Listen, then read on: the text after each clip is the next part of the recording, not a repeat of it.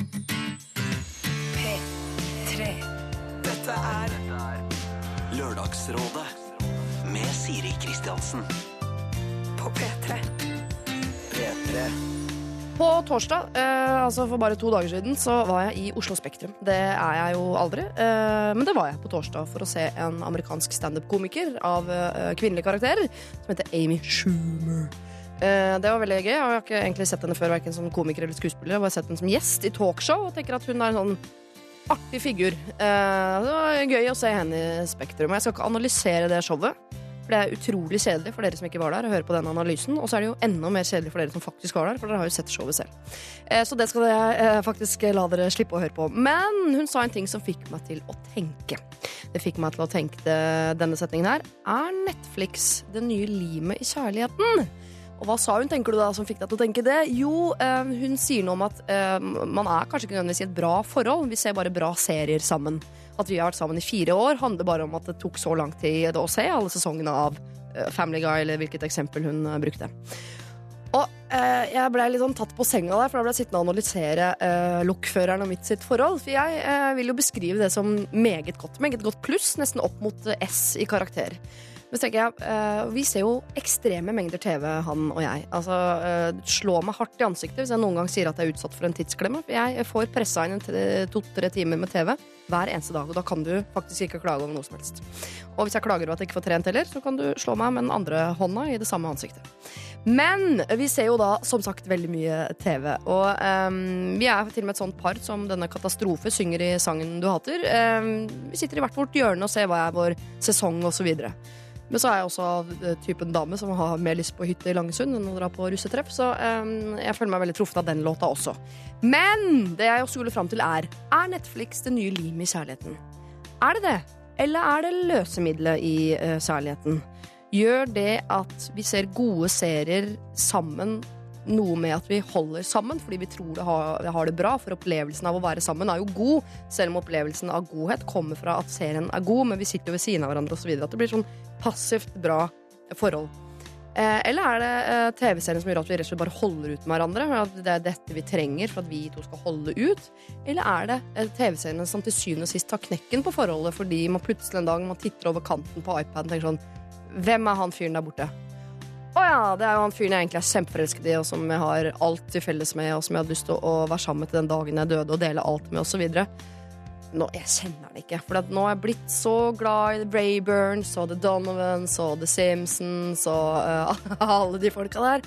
Og nå har jeg glemt hele The Bjurstedts, som jo egentlig er min familie. Jeg har ikke noe fasit på dette, her, det er bare løse tanker satt i en tilfeldig rekkefølge. Men tenk litt på det over kanten på iPaden der du kanskje sitter.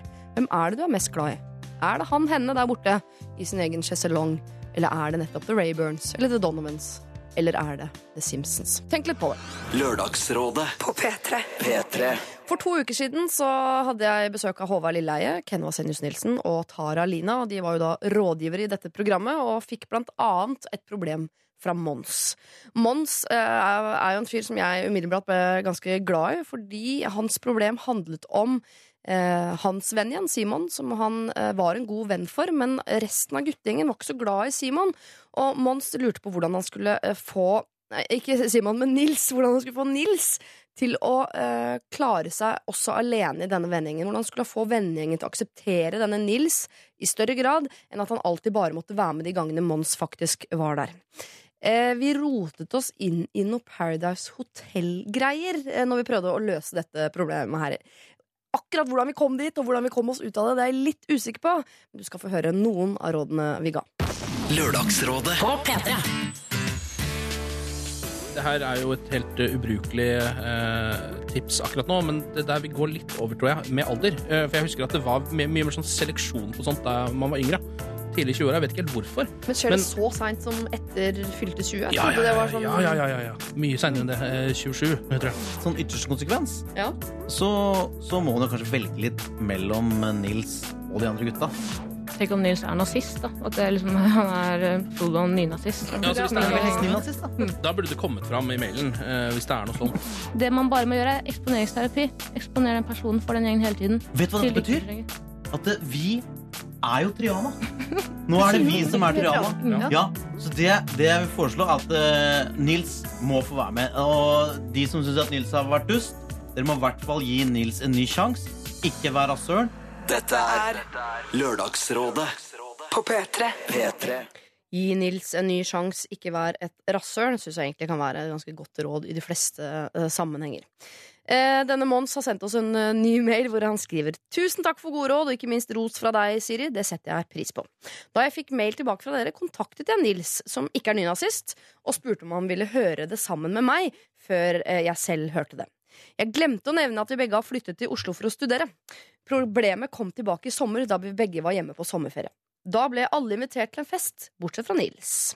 Problemet er altså størst når vi er hjemme, selv om det henger eh, over Nils når han vet at han skal hjem igjen, og at han ikke har den samme kontakten med dem som jeg har. Vi satte veldig pris på rådene, og jeg skal begynne å uh, vise til podcast, uh, Jeg skal begynne med å vise podkasten til hver og en i vennegjengen. Én og én. Sånn at de kanskje forstår at de er rasser, slik som Håvard foreslo. Hvis ikke de forstår det, kan jeg jo alltids ta i bruk Håvard sitt andre råd om å kutte dem ut, eh, og heller velge Nils når jeg blir invitert på fest, eller andre samlinger som ikke Nils blir invitert til. Jeg skal i alle fall eh, høre på deg, Siri, og fortsette å backe Nils. Så kan vi også håpe at Ken har rett, at det går over når vi blir 27. Eh, hilsen eh, Mons. Åh, jeg håper du slipper å vente på at du er 27. Bare håper at de andre vennene dine, som foreløpig høres ut som de er mer 7 enn 27, eh, kan vokse opp ganske fort. Og det høres ut som du er veien deres til å bli litt eldre. Og om det er podkast som er verktøyet du må bruke for å få opp øynene deres, sånn at de kan bli litt mer sånn som deg, ja, så er du min gjest til å vise denne podkasten så ofte og mye du vil. Dette er NRK P3. Da kan jeg si god morgen til dagens eh, rådgivere. God morgen, Pernille Sørensen. Tusen takk.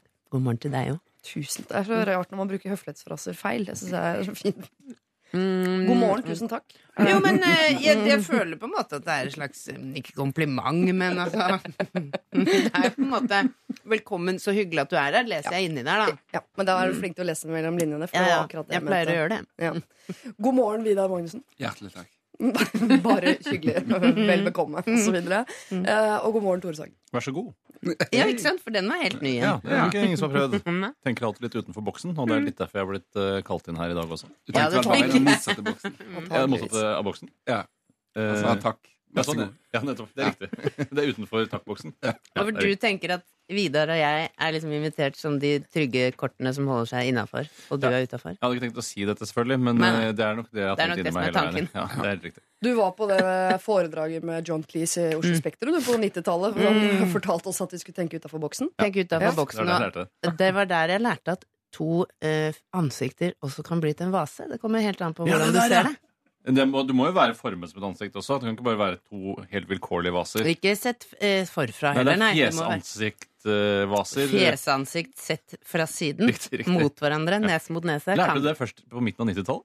Eh, nei, men, men John Cleese gjentok det Ja, på sitt foredrag. Jeg, en, et foredrag jeg kanskje hadde tippet at jeg ikke skulle gjenta sånne ting jeg lærte på barneskolen, men det Nei. gjorde han altså. Det er riktig, så du lærte først på barneskolen. Mhm, Ja, nettopp. Når Ikke lærte bare du det? Jeg, jeg, jeg, har, jeg har men ikke lært eh, det. Jeg har bare sett i en sånn annonse i avisen. Så sånn der, her, for faen, to lysestaker som blir ett fjes til sammen. Eh, I det, en annonse for hva da? jeg vet- ikke, jeg. Lysestaker, Lysestaker, da. Lysestaker. Mm. Eller Hadeland glassverk, eller Blåfarveverk, eller Magnor glassverk. Jeg kan tre glassverk. Jeg hadde en sånn en gang med hvor selve nesa i dette fjeset var av uh, bevegelig karakter. Så man kunne lage forskjellige Nei. neser på vasa eller fjes eller Ganske underholdt meg gjennom mange år i barndommen, faktisk. Ja. Stakkars deg, Vidar. Du var jo ikke på dette foredraget. Du aner jo ikke. Helt Tenk utafor boksen var egentlig det John Cleese prøvde å fortelle oss. Ja. Det er det vi har lært av han. Det skal vi gjøre. Og én ting kan se ut som noe, så er det noe helt annet. Ja, jeg så en sånn, Det var en engler og djevler-sirkel eller noe sånt på Facebook. Nei, Nei. nei, det er ingen av oss som har sett den. Nei. Den har jeg sett helt alene. Det har du sett, det din Ja. da. Og det var kjempebra. Men på vanlig Facebook eller dark web Facebook? eh, Dark web. Dark web Facebook, ja, jeg skjønner. Ah, vi skal ha side om side. Det er jo ikke lov å si spesial lenger, for da tror man, da er man jo Thomas Seltzer. Så det ordet kan jeg ikke bruke. Så det er en slags eh, side om side-utgave. Ekstraordinær. ja, Ja. for eksempel av Lørdagsrådet. Vi skal fortsatt gi eh, råd. Jeg har valgt ut noen eh, naboproblemer til dere. Ikke fordi jeg tenker at jeg er bedre på den andre folk. Dere får jo et manus, på en måte, så det er ikke sånn Dere har ikke blitt flinkere naboer av å spille side om side? Ja, vi kan være med å påvirke manuset og si sånn her Her syns jeg kanskje jeg kan si det isteden. Ja, det er ikke har litt- typisk naboer, Nei. sier de, for Nei, det ville ikke naboer sagt til hverandre. Så sånn, ja, ok, så de har litt kompetanse på naboskap. Det har Ja, de faktisk. faktisk. Mm. Og vi har vært innom ulike nabosituasjoner og eh, ja, nabosamtaler. Så det Ja, og så, er vi det, og så har vi gjort det mange ganger, for man må ta mange tagninger før det sitter. Og da lærer man seg jo alt dette om naboskap mye bedre enn noen andre. Ja, for det er jo ved repetisjon man lærer. Det er jo derfor barn får lekser på skolen. Ja. Og det er jo ofte når jeg har hørt intervju med nasjonalteaterskuespillere på eh, radioen eh, eller TV, så, eh, så eh, later de ofte til å være spesialister f.eks. på Ibsen, selv om Ja. de bare har spilt Ibsen. Så, så man er på en måte Man Ja. blir en slags ekspert av å spille det Nabo. temaet. Ja, spille nabo. Naboeksperter. Mm. Eh, før vi går i gang med å løse problemer eller gi eh, gode og dårlige råd, så må vi ta en runde på eh, hva skal vi ta i dag. Jeg lurer på hvordan dere bor selv. Mhm. Som jeg tipper dere har blitt spurt om en hel del ganger. Um, om dere har noen eh, livssyn, og om dere har noen hobbyer. Ja. Eh, vil du begynne, Vidar? Jeg bor i Kanskje vi kaller det townhouse? Oi, Slags- det var Er det lov å si det? Ja, det Det er er veldig Beyoncé snikskryt. men- i hvert fall. Hvilke bilder blir det da? Ja, det er bildet av uh, finanseliten på, oh, ja, okay. eh, som Ja. koser seg svære svære mursteinsvillaer på vestkanten. Men er det der du bor? Er det sånn du bor? Nei. Det er en mursteinsleilighet koblet til en annen. Ja, men altså på en måte men Å det er kalle det townhouse er å pimpe ja, Det må være lov å pimpe opp sin egen hverdag, da. Det er ja, pimpeste laget, spør du meg. Altså. Nei, Nå har ikke jeg vært hjemme hos Vidar, men han har fortalt mye om hvordan det ser ut der. Og townhouse er kanskje Men tenk hvis alle naboene der mye kaller med- det townhouse, da sier sånn 'jeg bor i townhouse 8', eller altså at de Townhouse innad 1 At de har innad i gata en slags egen sjargong. Ja, det kan være. Ja. Der kaller de det Ja, townhouse. hvilket townhouse bor Men jeg skjønner at det er lurt å kalle det townhouse på f.eks. Airbnb og hvis du skal selge en dag og sånn, men her og nå er det et rekkehus eller en blokk, eller hva er det for noe? Det er et rekkehus. Det er et rekkehus, ja. Ja. Ja, men Bare da-. Ja, i mur. Ja, det er ikke så ofte. Nei, Ofte det er det jeg. plank- ja, Mye plankebasert. planker, ja. Mm. ja. Mhm. Og koble til en, et leilighetskompleks. Så det er en veldig Oi, sånn, det eh, også. diffus greie. Ja. Ja, men du hadde direkte adgang til leilighetskomplekset via Ja. dekkehuset ditt. Men, men altså, nå må vi bare høre er, For hvis rekkehuset er i første etasje, og så er det leiligheter over, så kaller man det blokk. Altså, da bor du i første etasje av en Ja, blokk. men det er akkurat der vi har, vi har fritt eh, luftrom over oss. Oi! Ja. Og Og så er vi så koblet kommer til det- Og så kommer rett ved siden av så er det en blokk, men den er helt koblet, så vi kan gå inn i den. Jeg skal si hva- ikke bildet jeg får av hvordan du bor. Du bor i et eldgammelt, bitte liten bu. Eh, Som jeg ikke har fått lov å rive, for for det har blitt freda. Og så er det bare noen som har bygd en blokk rett ved siden av den. Ja. Det bildet får jeg, og det er litt sånn det ser ut. det er, ja, han er litt sånn Picasso. eh, Men ellers så er det liksom rett og slett at uh, arkitekten tegnet blokken, og så er det sånn søren heller vi skulle ha fått inn en leilighet til. Men det har vi ikke plass til i denne firkanten. Vi bygger, vi limer på en nede på Liten bakkenivå. En liten Ja. blindtarm her nede. En liten lean to, som jeg vet at de kaller det i USA. De lener seg inntil hovedbygningen. Jeg foreslår eh, Vidar at du inviterer Pernille og Tore eh, hjem på en Snart. aldrsliten Det virker brunsj. som, ja, det virker som vi vet mer om hvordan han bor, enn det han gjør selv. Jeg vet i hvert fall nok, for å si det eh, på den måten. Mm. Hobby og livssyn, er det noe der? Hobby. Eh, jeg tror deles hobby med Tore. Vi jogger ganske mye. Mm. Er det en hobby? Jog- Eller er det bare noe man må gjøre? Men det kan også være livssyn. Eller i Er hvert det fall livssyn livsstil. Ja, det er ikke Ja. en religion, har det ikke blitt. Nei. Men nei, det er mer en hobby. Ja. En hobby, ja.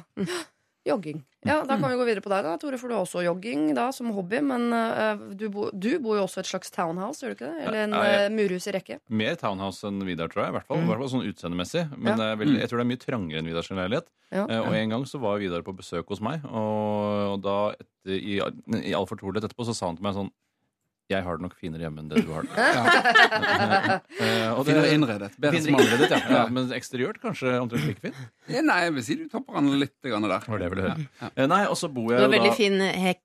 Altså, Oi. utafor. Bra du sa det. Vær så god.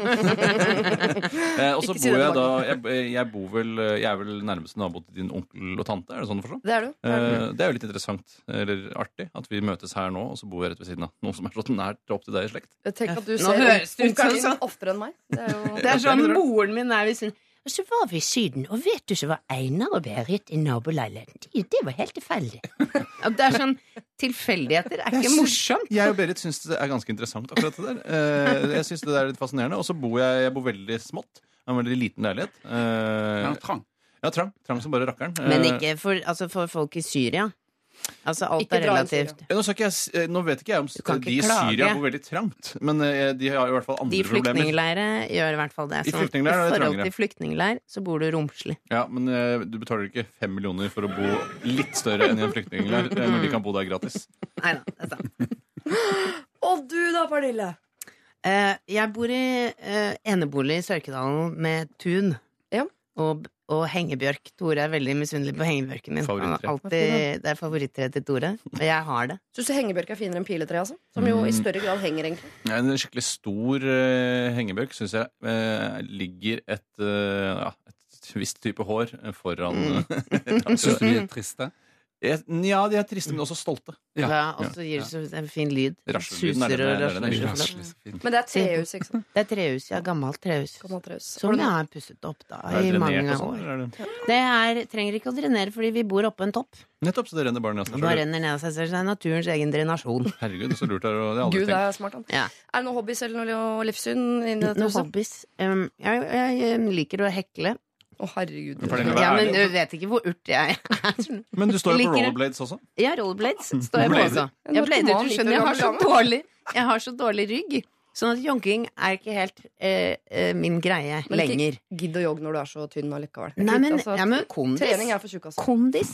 Man må jo, og, og pluss at det rensker jo opp. Altså, jeg vil jo ha gode mm, blodårer som ikke tetter seg til. Og mange. Ja. Og mange, Mange blodårer Ja, har jeg lyst på. Så, så jeg går på rollerblades, rett og slett. Det har jeg gjort siden jeg studerte. Det er en veldig effektiv måte å komme seg framover, sånn først og fremst. Og så er det en veldig gøy måte å trene på, for man føler seg veldig rask.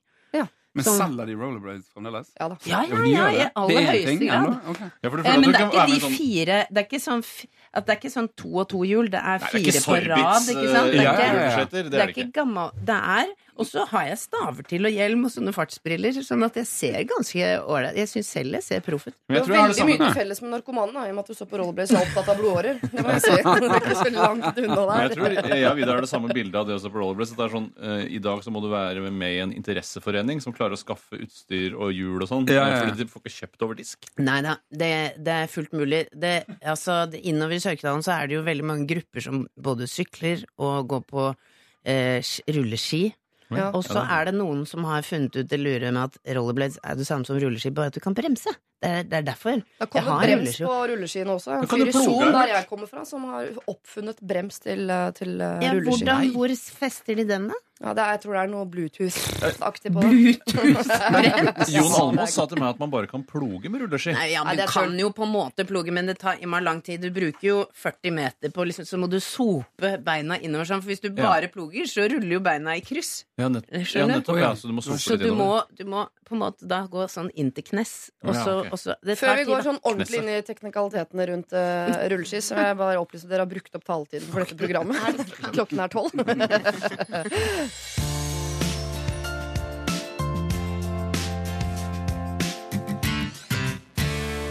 Eh, her står det 'Hei', og det er da fire stykker som har sendt inn dette problemet sammen. Det er første gang i Lørdagsrådets historie.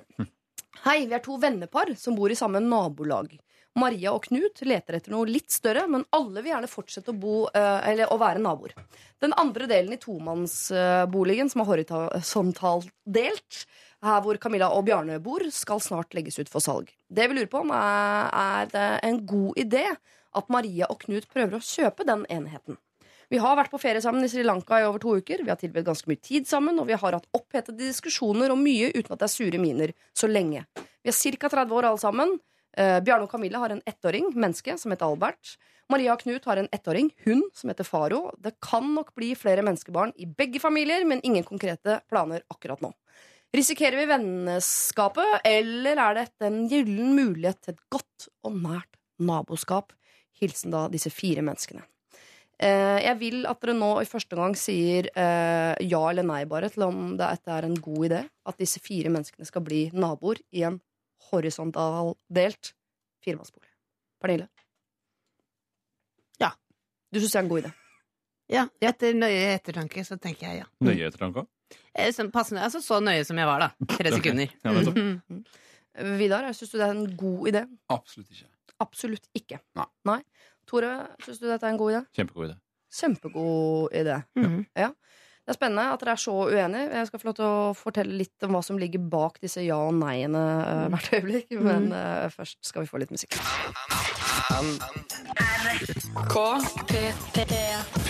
P3. Paper Paper har vi hørt Amanda Delara eh, her på NRK P3. Og før det eh, så ble vi bitte litt kjent med Camilla og Bjarne og Maria og Knut, som lurer på om det er en god idé å flytte eh, ved siden av hverandre. De er venner fra før eh, og har muligheten til å bo i eh, en horisontal delt tomannsbolig. Ja, Er da, på en måte, da blir du ikke boende ved siden av, men over og under hverandre, da. Er- Har det noe å si? Ja, det tenker jeg fordi eh, eh, man kan kanskje, hvis man er venner, si sånn vet du, det spiller ikke noen rolle for meg om jeg bor øverst eller underst. Og så viser det seg etter hvert at det spiller noen rolle. Kanskje, ikke sant, at den som bor nederst hadde lyst på litt mer utsikt, eller at det er noen som har balkong oppe som man blir misunnelig på etter hvert. Og du tenker, du tenker er ikke støyrelatert nå? Når du Nei, nei, bare at det er gøy. Er det gøyest å være øverst eller underst? Ja, Jeg tenker støyrelatert, fordi da, når du bor over, så har du på en måte overtaket. Eh, fordi da kan du stampe og trampe så mye du vil, Ja. eh, mens de under Ja. kan du ikke stampe og trampe, for da vil du bare gå utover sin egen kjelleretasje. Eh, men Så ja. jeg syns det eneste problemet her er at den er horisontaldelt. Kanskje det går an å seksjonere den opp på nytt og gjøre det vertikalt, som jeg syns er den optimale tomannsboligløsningen. Ja, det er helt enig. Selv er jeg eh, Hvorfor er den bedre? Eh, Fordi da eh, stiller man helt likt. Da er du liksom da, side om side. Mm. Eh, men Og så bråker det ikke så mye sånn vegg i vegg. som, Vegg i vegg bråker ikke, da må du eh, liksom ramle mot veggen. Og det Ja. gjør man eh, Det gjør jeg kanskje maks én gang i året.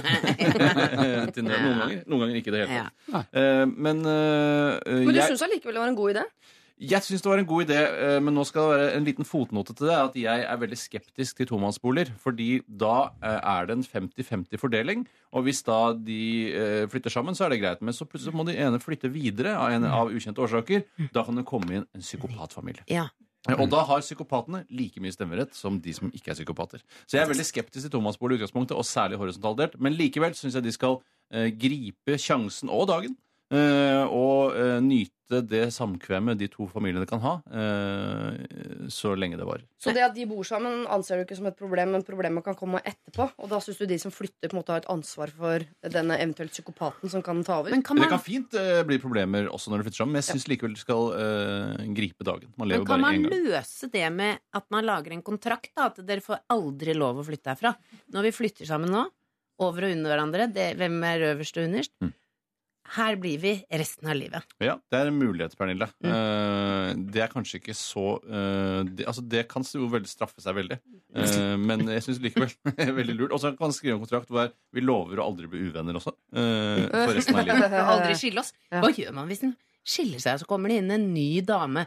Ja, ikke sant? Hvis, hvis Maria og Knut bestemmer seg for å gå fra hverandre, og så Mm. flytter Maria ut, så kommer det inn et hespetre Mm. som bor i annen etasje. Mm, Men man skal ikke alltid se det negative i det. Kanskje det kommer inn en ny som vil berike eh, hele firkantforholdet. Kanskje til og med det blir et godt eh, swingersmiljø i det området hvor du bor.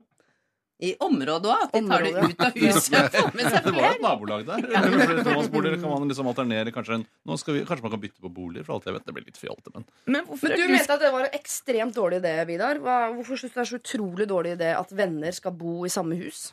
Det er jo ekstremt nærmt, da. Det er jo, du, du skal inn hver dag og se disse menneskene. Jeg tenker at godt vennskap det fortæres over tid. Når det er klistret inntil hverandre. Ja. Um, De har vært i Sri Lanka i to uker. Da. De har på en måte prøvd det der. Lanka. Også Sri Lanka, da. Sri Lanka. Vakre Sri Lanka. Pittoreske Sri Lanka. Der ser man på alt annet Jeg kan komme på mer pittoreske steder Sri Lanka. Hæ? Det går for å være veldig vakkert. Særlig etter tamiltigrene trakk seg ut. Så er det jo veldig flott å være der. Eh, Men eh, jeg, altså jeg, jeg, jeg ser argumentet til Vidar veldig veldig godt, men jeg syns likevel man må bare eh, prøve. Og så kan man bare flytte ut igjen. Men hvis jeg hadde flyttet inn rett ved siden av dere, hva hadde du tenkt da? Ja, jeg, jeg, tror, altså, jeg, hadde, jeg hadde stolt litt på deg, Vidar, for jeg vet at du er en fyr som trenger avstand, og som eh, er, jeg tror du er en ganske profesjonell nabo. Ja. Eh, Så sånn sett tror jeg det hadde vært eh, ganske uproblematisk. Men hvis det er noen jeg ikke kjenner hvordan oppfører seg i naboskap, så er jeg mer skeptisk. Vet du hva, jeg kan komme på ett problem. Ja. Det er sånn sett at for eksempel eh, Maria Knut og Camilla og Bjarne har vært kjempegode venner. Det er bare ett problem. Et problem er at Bjarne er storrøyker. Men det trenger ikke Maria og Knut forholde seg til når de bare er venner. ikke sant? For det er eventuelt Camillas problem. Så skal du begynne å bo i samme hus. Da hadde jeg begynt sånn Er, er Bjarne sånn som røyker på senga? Ikke sant? Er det opp, ja. at det brenner opp vår felles bolig? Altså sånn, Hvor ansvarlig er de sånn Og bikkja brenner opp også. og, og ungene? Mhm. Hvor ansvarlig de er. Ikke sant? Du kan ha en uansvarlig venn som er kjempegod fordi du har de i et annet hus langt unna, men idet man deler bolig, så Det er vanskelig å, å ta sånne kontrollspørsmål sånn når Hvor lenge, hvor lenge utpå kvelden er det du tar siste røyka, Bjørne? sånn at man, da kan man begynne å virke Men kontrollfri. så sier Bjørne jeg pleier å drikke en flaske Koskenkorva og så ta meg en siste sigg på senga. Jeg. Ikke sant? Ja, da så, begynner det å ok, Du gjorde ikke det på Sri Lanka? stokken. Nei, men da drakk vi liksom hele dagen, så da var det greit. Men jeg, jeg er enig, altså selvfølgelig er brann er en ytterste konsekvens på hvor dårlig det kan gå. Men også sånn, eh, det deilige med å ha naboer er jo nettopp at man, ja, man blir venner med naboen, men ikke så gode venner at, uh, at du har et forklaringsbehov idet det kommer andre venner på middag, og, og ikke de, for eksempel. Ja, er. Ja. Sånne ting. Det, det er, er, det må ligge litt til grunn. når Man må ha et rammeverk når man eh, Ja. går inn i dette her. Det må være noen muntlige avtaler som er like bindende som skriftlige. Eh, som ligger til bunn og eh, grunn. Eller bunn, jeg vet ikke. Eh, men da særlig det middagsgreiene er litt viktig der. Og kanskje hvis man har felles venner òg, kan det være vanskelig. Jøss, nå har Ja. de felles vennene vært ti ganger på middag der, men de har ikke vært én Mm, gang. ikke vi. Ja. Ja. ja. Sjalusi. Sjalusi. Ja, en veldig god venninne som bor i et nabolag, og så har det flyttet inn en annen vanlig venninne mm. rett ved siden av. Og jeg, jeg må snike meg inn til min gode venninne, for jeg orker ikke å besøke eh, vanlig venninne hver gang jeg skal besøke gode venninne. Ja. Og så må jeg late som jeg ikke har vært der. Altså, det kan dukke Jeg bare ser for meg Hvis det dukker opp noe mellom venner som er litt sånn som man burde snakke om, men så driter man i det fordi man er konfliktsky, så går det greit, for det er tre måneder til man ses neste gang osv. Ja. Men hvis venninnen din da bor vegg i vegg, og du Men- kunne ha tatt opp hver eneste dag i månedsvis, og du gjør det ikke fordi du er konfliktsky Ja, det er sant. Men du kan også risikere at du blir et sånt herlig hus som alle er misunnelige på. Sånn sånn, fy fader, der bor de. Ja. Ja, De gode vennene. ut av hverandre. Ja. og- Men jeg vet du hva, jeg snur jeg snur, jeg. Ja. snur på flisa og, og går over til Vidarsens side. Med tanke på at de allerede bor i samme nabolag, så har de jo nok kontakt. Ja, sånn sett, Hvis ikke det er verdens eh, største nabolag eh, i utstrekning. Eh, men det At det er jeg LA, ikke det. liksom. Ja, at det er sånn hver sin side av LA. Ja, men da er det det, samme nabolag? det er nesten litt creepy, da. At de vil enda nærmere. Ja, for, hvorfor vil de det? Men Men det det kan vet være ikke om de vil. Det er det de spør også om. Vil ja, det er vi det? liksom? Ja, det kan være litt for å sikre at det ikke kommer psykoer inn i den andre halvdelen av det kan det. Ja. Også på en måte eh, å være to uker i, i Syden, som jeg kaller Sri Lanka. For Det er samme nabolag, er, er samme Ja, det er. Er, det, altså det, det er på en måte ikke en ordentlig test. For det man tester der, er sånn liker vi ungene, har vi sånn cirka samme regler, eh, trives vi, må se hverandre i undertøyet, det går greit, liksom. Sånne ting. Ja, ikke sant? Men man kan tåle det. Ja. Men så plutselig skal du eh, Ikke sant? Du, du tåler andres småfeilskjær i to uker, men hvis det er sånn du må forholde deg Tenk hvis du må forholde deg til dine beste venners sex, utagerende sexliv, da. Ja, det er det. Ikke sant? Mm. At det blir sånn Det er, det er som å høre moren og faren din. Nei, det er ikke som å høre moren og faren din. Nei, men det er, det er nesten verre, fordi du Nei, skal er få Nei da, nei da, Det er det er litt ikke. gøy. Ja. Ja, det er det er litt litt gøy. Og litt pirrende kan være, hvis man er interessert i sånt. Man kan Ja, bruke det. men ikke hvis det, hvis det er hver dag eh, liksom hopping i høyet døgnet rundt. Da. Hvis Neida. de er sånn psykoer, ikke sant. Så Men da, da det er de psykoer, da. Ja, Ja. Men det har man jo ikke hatt nubbesjanse til å få vite om på Sri Lanka. Nei, det er sant. Jeg snur For der ligger man ikke sammen, da? Eller hva, hva? Nei, men ikke sant, Da inviterer man ikke så mange grupper på besøk. Eller, ikke oh, ja, sant? Hvis de er sånn som har seg med flere. Ja, det er, det er ikke plass til så mange grupper i bungalowen, tenker jeg også. At det er vanskeligere på Sri Lanka, og så er det tynnere vegger der. Jeg er enig i at det med sex kan være vanskelig, men jeg tenker at produktet av sex kan være vanskeligere. Fordi her er det ett av parene som har et barn. Produktet eh, av sex, er det? Er det barn? Det er barn Ja, off, eller bare søl. Ja. Men i dette tilfellet så er det jo da barn. Det er søl når det er barn. Og det er ikke sikkert dette barnet Jeg tipper at dette barnet ikke var med til Sri Lanka. Tror du ikke det? nei, jeg tipper Sri Lanka var før eh, lille Albert kom Å, ja, til var det verden. det, ja? Ja. Så det vil si at de har Han er aldri ny. vært tett på hverandre som, Og vi har aldri møtt Maria som mor. Hun har, hun har bare en hund. Og selv de beste venninner kan hate hverandre når de blir mødre. Fordi dette man er har tomler ned, forskjellige Ja. Her er ikke det tomler ned? Det var en hund i bildet. Tenk om de får en allergiker. Ja, Og Det var i hvert fall ikke med til Sri Lanka. Det er jeg Ja, og hvem skal hvem sine For jeg husker da jeg hadde hund, og hadde venninner som hadde barn, og de var sånn Du har jo bare hund. Altså fnøys litt av at eh, det var ikke så viktig, på en måte, det jeg trengte å passe på. Ja. Så for de som har hund, føles det som et barn. Det er mer Og det slitsomt er feil følelse, ikke sant? Sånn at eh, hvis det er sånn, da, at Camilla og Bjarne får et barn som er allergisk, eh, så føler man at eh, mennesket trumfer hund. Sånn at det må være lov å si 'kan dere kvitte dere med hunden', men for de som har hunden, så føles det som skal vi gi bort barnet vårt, Hun da. trumfer alt. Ja. ja. Ja, Ja, Skal vi putte altså, Foreningen for omplassering av barn, er det ikke noe som heter? Eh, Nei, Ja, det heter ikke det, men det finnes Samfunnet er mer tilrettelagt for at man skal kunne gi fra seg dyr. helt enig, Pernille.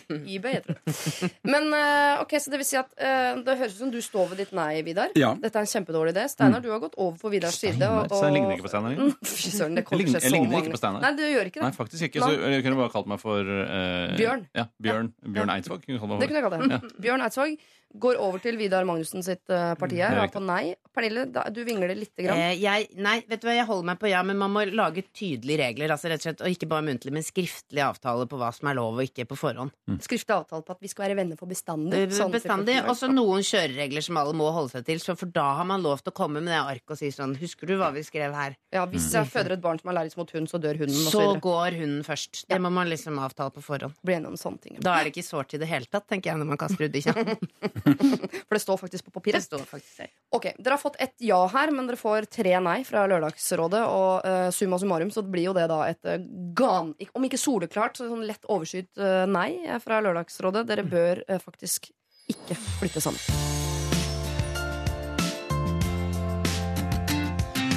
Dere vi skal over i eh, det er ganske voksne problemer her i Lørdagsrådet i dag. Litt vi fordi vi har besøk av Side om side-gjengen, som jo hver seg er, dere er voksne og har unger og hus og alt det der. Mm. Så skal få slippe for mye sånn eh, Tinder og fingring og utfloddsproblematikk. Det er mer Tusen takk. Derfor jeg er her, for å leve et annet liv. Men ok, så så bare.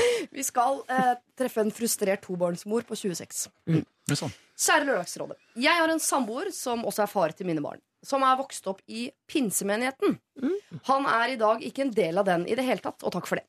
Problemet er med besteforeldrene hans, altså oldeforeldrene til mine barn. De har noen holdninger som er så ufyselige at jeg ikke kan få sagt det. Og de er ikke redd for å ytre dem, dessverre. De bruker ord blant folk som sotrør, apekatter, homsejævler og lignende. Og jeg skammer meg bare av å skrive dem. Jo takk, jeg har akkurat lest dem høyt på radio, så jeg vet akkurat hvordan du har det. Eldste sønnen min er ett og et halvt og går i barnehage og begynner nå å få flere og flere ord. Hva gjør jeg? Jeg kan ikke ha en sønn som sier disse ordene i barnehagen og blant folk. Det går ikke. Disse menneskene er 80 pluss. Skal jeg bare overhøre de og håpe at meningene deres dør med dem? Eller skal jeg si fra? Og hva skal jeg da eventuelt si? Hilsen da veldig frustrert tobarnsmor, tobarnsmor på 26. Eller som vi da velger å kalle henne, Sissel fordi det er kortere. Og, der, og dette med sotrør, da sikter du ikke til faktiske sotrør, men uh, det brukte i rasistisk sammenheng. Ja, for jeg mener at man må ikke slutte å bruke ordet sotrør hvis du skal ha et rør til ovnen. Nei, nei, nei, hvis du skal ha et sotrør, nei. Eller hvis du skal ha en Eller apekatt, for den saks skyld. Hvis du faktisk Hvis du skal skal ha en faktisk- Ja. ordentlig Og apekatt. aubergine. Jeg vet ikke om det er brukt så mye, men uh, det er i hvert fall i Aldri hørt. Nei. Aubergine, hvem er det? Nei, eggplant sier man jo i uh, USA. Um, Om?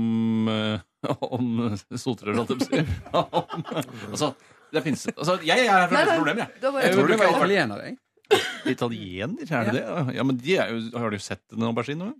Ja, men Syns du ikke ser ut som en italiener? det er det han Dennis Hopper sier i eh, True Romance. Nå Han snakker ser vel om, ikke eh, eh, de eggplant. fra Afrika ut som sotrør heller, sånn i utgangspunktet. Nei, så det er det er derfor- ikke det at det ligner som Det er jo lignende grunnpremisset. Hæ, er det ikke fordi det ligner som er grunnpremisset? Jeg tror, Er det ikke det?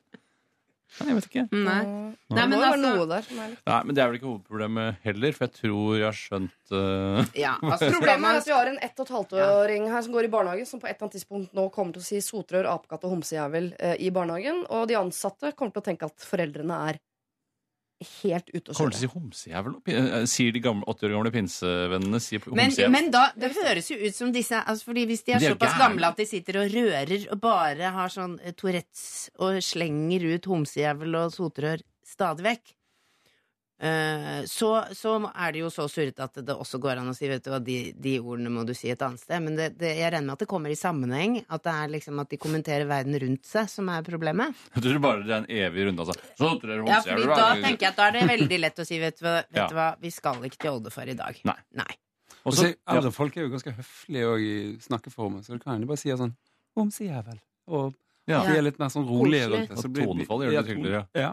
Eh, Men jeg uh, syns det, En annen ting man ikke skal glemme, er jo at rasistiske besteforeldre er jo en, en del av kulturarven vår. Eh, fordi det, er, altså, det de drev med en gang, er jo ikke noe man egentlig må glemme. fordi eh, akkurat som andre verdenskrig, vi må lære, huske sånn at det ikke gjentar seg. Mm. Eh, Så sånn sett er det jo eh, altså, Jeg sier ikke at eh, jeg skal fortsette å påvirke han lille gutten, det er ikke det som er viktig her. Men likevel synes jeg det er det fascinerende at de var så rasistiske en gang i tiden. Men det som er litt sånn av en gammel tid. Ja, det kan du si. Ja, men du kan si eh, Så sier man sånn Men de gamle eh, mener det ikke rasistisk, for for dem er det bare beskrivende, for det er det eneste de har bare lært å bruke Homsejævel.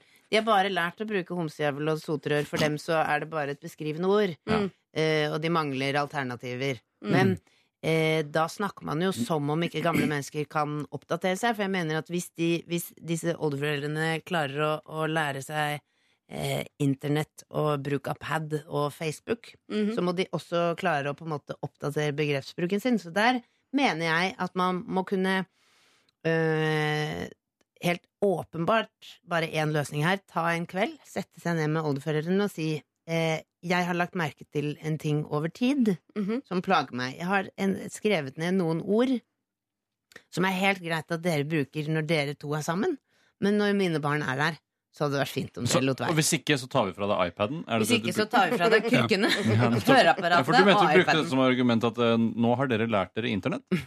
Da må dere lære dere andre ting Ja, også. men jeg mener at når- Hvis man har satt seg ned og sagt sånn uh, Tatt seg bryet og sagt sånn, her går du inn på Facebook, og her lager du egen konto. Nei, Så kan man 80-åringer som på også sette seg Å oh, ja, om det er. Herregud. Ja, Men du er ikke på Facebook engang? Nei, nei, men jeg er jo Men er 90 mentalt, så jeg Ja, 90 mentalt. Ja, altså, så jeg, Jo, men Men jeg er enig med at man at kan, man... man- kan forvente at de oppdaterer seg, men da tror jeg ofte går på at de legger ting til. Jeg tror det er vanskelig å få ting trekker bort fra, fra ting fra. Men da, da må man altså For meg så hadde jo Jeg hadde ikke lurt et sekund, fordi hvis ungen min Det handler ikke om å være høflig overfor oldeforeldre, det handler om at eh, det er jo mitt rykte det går utover. Hvis ungen min begynner å si alle disse ordene i barnehagen, så er det folk tror jo at jeg er gæren. Ja, det er det. Og det hadde veid tyngst. Eh, altså, eh, det er ikke mine oldeforeldre engang. Men hva skjer med eh, Er det gangbart lingo i pinsemenigheten å si homsejævel? Jeg trodde de, altså Selv om det kanskje er eh, litt på siden av den mainstream religion, så føler jeg at de eh, står vel for toleranse osv., osv., de også? Homsejævel? Jeg, jeg kjenner ikke helt Kunne man gått til pinsemenigheten, mener du? Det er det du At, man tar det via de, kanskje? Og Ja. snakker med Dere vet at Ruth og Arvid at de sier homsejævelen? Er dere klar over det? Ja, Kanskje dere burde snakke litt med dem? Tatt opp en søndag? Ja, for de, de er jo da eksponenter for pinsemenigheten, og en dårlig reklameplakat, Men er det ikke ganske mange religioner der ute som ikke liksom har uh, tatt imot dette med homofili med sånn ordentlig åpne armer? Uh, Jo, men, Men de bruker andre ord. Ja, de bruker andre liksom, fordi Når du slenger på jævel, så blir, er det liksom helt Da har du liksom allerede tapt. Eh, hvis du liksom bruker soper og sånn, så er det, er litt annerledes. Men vet du hva? Ja. Ja, nå har jeg en skikkelig god idé. Ja. Jeg synes at eh, hun, det, En mulighet hun har, er til å bruke liksom uh, ungen sin som et uh, mellomledd eller bindeledd eller kommunikasjonsledd her. Fordi du kan s først si til ungen dersom oldefar sier soterør, homsejævel eller, uh, eller osv. disse ordene her, så må du si til han de ordene er ikke lov å si. Sånn at du, lærer, du er den som lærer han de først, men du får printet inn i hodet hans at eh, det er stygge ord. Sånn at eh, hvis det kommer fra en halvannetåring, hvis oldefar sier homsejævel Jeg skjønner ikke helt hvorfor han skulle si homsejævel når barnebarnet er der eh, i utgangspunktet, men hvis han gjør det, så er det en liten, søt unge på gulvet som sier sånn Det er ikke lov å si. Jeg syns du skal trene opp han, han lille ungen til å si sånn uh, Når de sier sånn Ja, det er homsejævelen. Jeg er homsejævel sjøl. Ja, Jeg er homsejævel, farfar. Ja. Ja. Men hvis da du tenker jeg sånn, Oi, lærer- jøss, da, det- da må kanskje vi må tenke oss litt om. ja. Men Han trenger ikke å være det, altså, men han kan bare si det. Nei. jeg, jeg tenker i hvert fall at eh, de på 80 får man Jeg sier ikke at de skal få lov til å ture fram uten noe motstand, men du får antageligvis ikke endret de. Men barna må vi jo for all del sørge for at ikke går inn i eh, et liv der man bruker Ja. ord som dette. Ja, men da er det det, bare det er der vi må stoppe det. Men hvis man s- printer inn i hodet deres at dette er stygge ord, det må dere ikke si, Ja. hva er kulest å si i barnehagen da? Det stygge ordet du har lært som man ikke skal si. Det er jo nettopp da man begynner å bruke det. Ja, det er det. Så man må jo heller late som om de ordene er kjedelige eller nerd eller jeg nerd. ja, Jeg ville kuttet tvert jeg, med Vet besteforeldre. du hva, det ville jeg gjort. da. Jeg ville absolutt Jeg ville aldri møtt igjen. Og så sagt sånn? grunnen til at du har kuttet tvert, er det og det. Ja. Ha det, snakkes når det er rydda opp i. Du ville ikke du sagt fra før du kutta henne. Hadde du ikke gitt dem en jo, jo. sjanse? Jo, si Eh, Jo, jeg hadde gitt en beskjed, men hvis de allerede er ute i homsejævelland, så, så syns jeg de har strukket strikken. Ja, da må man jo si sånn som man sier med ungene. Du kan ikke komme tilbake hit før du har begynt å snakke ordentlig. Ja. Mm. Men nå går, nå går du hjem, Og så kommer du tilbake når du kan Ja. snakke ordentlig. Ja, dere får printe det ut av hodet, som dere pleier, du og Jeg sier Siri. ikke printe inn, Begge jeg sier printe. printe. Ja, jeg sa Siri sier printe også, er det det det heter? Det heter prente inn. Ja, er er rart at de dere sier printe begge to. Ja, det er rart, det. Jeg måtte ta et valg, og så gikk jeg for Ja, printe. sånn er det jo her i Lørdagsrådet. Man må ta valg hele veien. Ja, ja. Mm. Men jeg syns vi har faktisk landa på et ganske godt valg her, selv om vi har vært uh, ute og sykla og svømt og holdt på i dette uh, homsejævla apekatt- og sotrørlandskapet. Men vi har Ja, eh, for øvrig sier det er ikke lov å si. Men det er ikke lov å si. Lov å Nei. si. Eh, og det er siste gang jeg uh, sier det nå i mitt liv. eh, og disse barna skal heller ikke høre disse ordene. Så det du må gjøre, det høres hardt ut, Sissel. Eller da veldig frustrert tobarnsmor på 26, som du kaller deg. Eh, de får ikke lov å treffe oldeforeldrene sine. Sånn er det bare. De dør, holdningene dør, og barna får ikke lov til å treffe dem. Lørdagsrådet med Siri Kristiansen. På P3. P3. Eh, vi er en gjeng her i dag også, som vanlig Lørdagsrådet. Det er jo Vidar, Pernille og Bjørn. Ja, Tore. Heller det enn Steinar. Jeg er så drittlei av det Steinar-greiene. Jeg skjønner, jeg skjønner, skjønner. Og det er fordi man vet at man ikke skal si det. Ja, så ligner man At ikke! sier- Nei, ligner ikke! det. Nei, det ligner ikke. Det ligner mindre enn mange andre Jeg ligner nesten mer på Vidar enn jeg ligner på Steinar. Men det, det altså, blanding av navn har jo ingenting med eh, ligning eh, å gjøre. Altså, jeg eh, Det har mer med skatteoppgjør å gjøre. Jeg trekker tilbake. Det var, mer, det var Steinar-aktig Det var artig ordspill. Jo, takk. Men, men eh, altså, jeg kaller jo min eldste sønn navnet på min mann. Det er ikke fordi at de ligner, fordi mannen min har jo skjegg og altså sånn, Han er jo en meter høyere, i hvert hvorfor, fall. ble- hva er det som skjer? Hvorfor det vi jobber sammen? Hvorfor kaller de meg for Bjarte? Ingen som kaller meg for Bjarte. Det har aldri skjedd. Å nei, ok. Nei, det har ikke Ja, skjedd en det er eneste gang. Nei. Det er vel den mentale linken man har, at det, siden dere er brødre, da. Nå, jeg bare gjetter helt vilt, jeg, men at det, Er dere brødre? Altså, det har jo, altså, problemet her er jo at han er overvektig mens jeg er normalvektig. Altså, Ja. Likevel så blandes vi såpass ofte. Okay. Sånn? Men, men du har vært overvektig. Ja, ja, jeg har det, men da slutt å Fra gammelt av. ja, I mine øyne Så det er er det utseendemessig. Du, du føler, er det sånn at uh, Ja, for det er ikke, Jeg syns ikke han er en dum, teit fyr, så det er ikke å bli sammenlignet. Men akkurat der Akkurat syns jeg det er litt unødvendig. Ja. Eh, Men, uh, og det er lenge siden jeg Er var det, er det, overvektig. ja, ikke sant? Men det er kanskje der skoen trykker, da. At du ikke Jo. blir minnet på de tidene. Hvor du også var. Ikke sant? For nå er det normalvektig, men i min, altså jeg blir sjokkert hver gang jeg ser det. Så, Oi, ja, nei, men selv om det Ja, har vært det det- lenge, faktisk. Det føles såpass Sånn, nytt. ja, noen Mm. år til med det greiene der, så blir det normalt. Ja. I mine øyne. Ja, sånn Mm. mentalt, når hun tenker på det, så tenker hun fortsatt at det du er. Jeg det. Gjør. Jeg gjør det. Men jeg er jo grådig glad i sånn kropp som Steinar har. Jeg, da. Ja. Mm. Det må Når jeg tenker på deg, Pernille, så tenker jeg på deg som ung. Touche. Au. Dere, vi skal ta et eh, problem fra en eh, glad ektemann eh, som heter Per. Og som har et problem til oss som han og kona aldri blir enige om. Etter å ha bodd under samme tak i 19 år med min kjære kone hadde det vært fint med en avgjørelse som kan fungere som en slags høyesterettsdom i vårt ekteskap. Det er deilig. Kjenn litt på den makten der. Fy søren. Saken er den at når man er ung og nyforelsket, er stort sett alt greit. Det er vel sånn det er i de fleste forhold, at det tar en liten stund før man oppdager problemene. Min korte beskrivelse av meg selv er at jeg lar det meste passere for husfredens skyld. Jeg har om lag 3000 ord som jeg behøver eh, å bruke om dagen, mens min kone nok ligger tett opptil den kvinnelige normalen på ca. 20 000 ord per dag. Når kvelden kommer og man inntar den myke hygge, så har jeg ofte bare fire ord igjen til min elskede. Rullegardinen oppe i natt. Dette handler ikke om sex, der, Jeg ser at dere tenker det. gjør faktisk ikke det. Men nei, det er ikke snakk om. Vi skal ha det mørkt hele natta. Om det er midt på vinteren, og det er mørkt når vi legger oss og mørkt når vi står opp, så skal lystette rullegardiner være nede. Nå har jeg prøvd to ganger i sommer om det er mulig å få lov til å våkne til litt sol og fuglesang, men svaret er at rullegardina skal ned! Min kones søster har nå kjøpt svart sovemaske, men det er lite populært å bruke. Jeg kan jo legge meg på et annet rom, selvfølgelig, men da kommer alle disse kvinnelige spekulasjonene inn. Så uh, kan dere være så snill å komme med en dom om soverommet skal være mørkt eller lyst om morgenen. Hilsen lysglad ektemann Per. Og om morgenen? Om morgenen. Altså, det er jeg ikke i tvil, jeg. Det er jo, man skal jo ha det mørkt når man skal sove. Der er jeg. Der er du. Jeg har, altså, jeg Sånn eh, er jeg. hadde Der har du meg. I sommer, så eh, Siden vi har bygget ny hyttesnikskryt, så Det er ikke snikskryt, det er på vanlig skryt. Det er på vanlig skryt, da. Ja, det er- ja. Hvis du sa sånn eh, 'jeg brakk beinet på den splitter Nye hytta vår', det er snikskryt. Ja. Ja. Men jeg var jo på vei, det var en bisetning. Siden vi har bygget ny hytte, så hadde vi ikke gardiner der. Det er riktig. Så da er det på en måte Jeg sa det før det ble snikskryt. Ja, det. Så, så hadde ikke vi fått inn gardiner. Og da var eh, Da lå jeg og sov med altså, åpne vinduer. Og ulempen med det Mhm. er jo at eh, solen, den, den kommer jo inn sånn fire-fem om morgenen. Ja. Mm, at han skal synes det er koselig For da våkner jo jeg med en gang. Hvis det blir lyst oppå øyelokkene, så går det gjennom øyelokkene.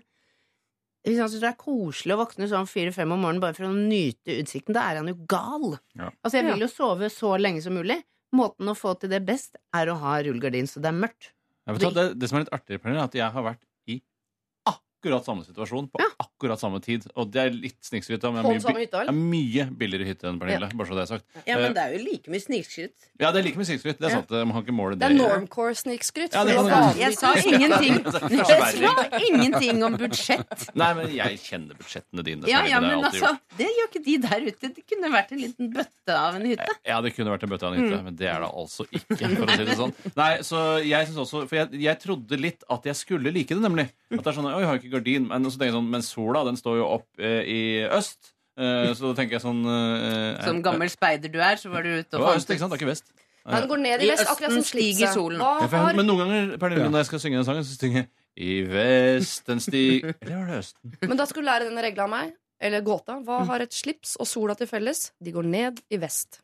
Ja, nettopp, ja. Ikke sant? Mm. blir det det. Mm. Men da trodde jeg at det skulle kanskje være litt hyggelig at man skulle eh, på Når man da var på hytta om sommeren, at det var sånn Mm. når sola står opp, den står jo ikke rett inn gjennom vinduet, så det skal gå greit. Ja. Eh, men eh, klokka eh, halv fire så er det altså noe av det lyseste jeg har vært med på. Det er jeg, altså og jeg har vært på mye lyst. altså. Eh, bare så At det er som man myser med lukkede øyne, Ja, det er bare liksom. Å, fy faen!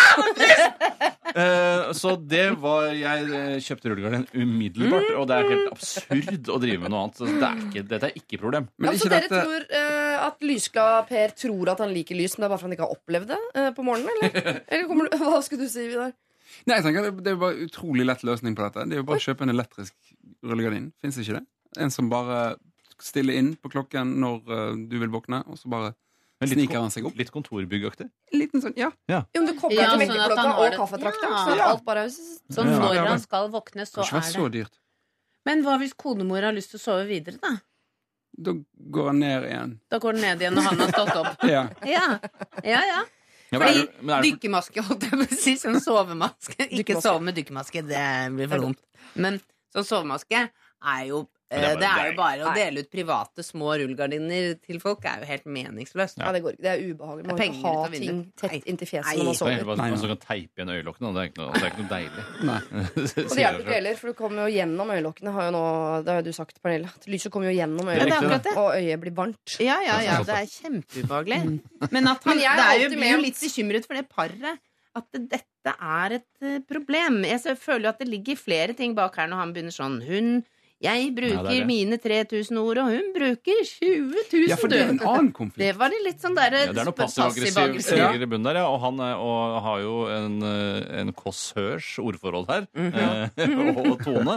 Eh, Og jeg har fritt denne mailen igjen. Den var ganske mye lengre og mer, enda mer poetisk. ja, han har, ville bare ha det lyst fordi hun ville ha det mørkt. Tror jeg rett og slett er det som er problemet. Eh, enig. Jeg kan jo lese en setning som jeg har tatt ut her, hvor det står uavhengig av rettskraftig dom, så vil vi alltid dele den myke hygge. Så han er jo veldig veldig glad i denne 20 000-ordskona si, for han nekter å flytte over i et annet soverom, som jo mange ville ha brukt som sin løsning ved snorking eller uh, ulike behov ved lysforhold osv. Men du som tenkte på sånn elektrisk innstilt, altså da kunne man jo også ha at hans del av sengen var elektrisk innstilt til å på en måte skille seg fra hennes del av sengen og forflytte seg inn i naborommet. Ja, Akkurat når det ble morgen. Ja. Og så, sånn at han på en måte forflytter seg inn i et annet rom og får se mor morgensolen der, da. hva om at det kommer altså, en elektrisk boks som uh, glir over sengen til hennes, hennes del av sengen, mens eh, persiennene går opp, han står opp, går ut, og så persiennen igjen, boksen går, trekker seg tilbake. Det er en eh, teknisk mulighet her. Jeg Ja. tror uh, problemene er mye, mer, mye dypere enn som så. Eller at de legger seg i køyeseng, da, hvor det er lys oppe og mørkt nede. Ja, er det er det. fortsatt på samme soverom, men man ligger jo ikke inntil hverandre likevel. Nei, det blir ikke så mørkt oppe i den øverste køya, faktisk. En slags Nei. kuvøse for Ja, kanskje. voksne menn. Ja.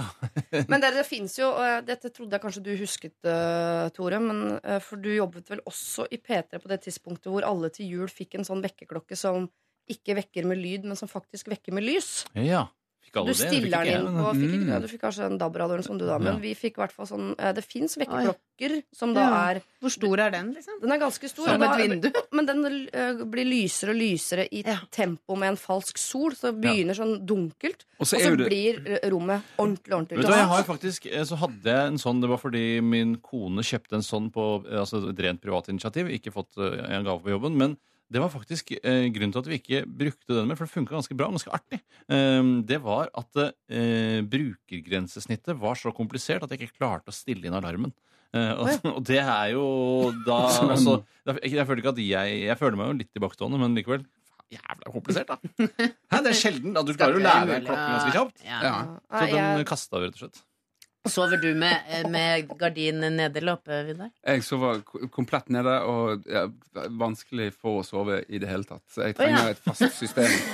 Det kan ikke være lyd, det kan ikke være berøring. Ingenting. Ikke berøring eller nei. Jeg kan heller ikke ligge inntil. Ikke Nei, det hele tatt. Du ligger Du er ligger jo oppå og rundt og du er en in, skje, in Skikkelig skjegutt. Skikkelig skjegutt. Ja. Mm. Ja. Og jeg, ja, jeg er selvfølgelig da bakerste skje. Altså bare så det er sagt. Men Jeg skje er jo noen gang over i sånn Jeg er jo mer glad i koala, eller tømmerstokk, som jeg kaller det. Hvor han ligger som en slags pinne, men jeg er som en slags koala rundt. Han ligger som en pinne, altså. Han ligger helt rett, liksom. Jeg er ikke sånn stiv og livredd som du er, et offer for vårt uh, samboerskap. Ja, Men nei, jeg kan fint være koala, jeg òg. Det er ikke noe er så. Yoko Ono, John Lennon-aktig. ja, ja.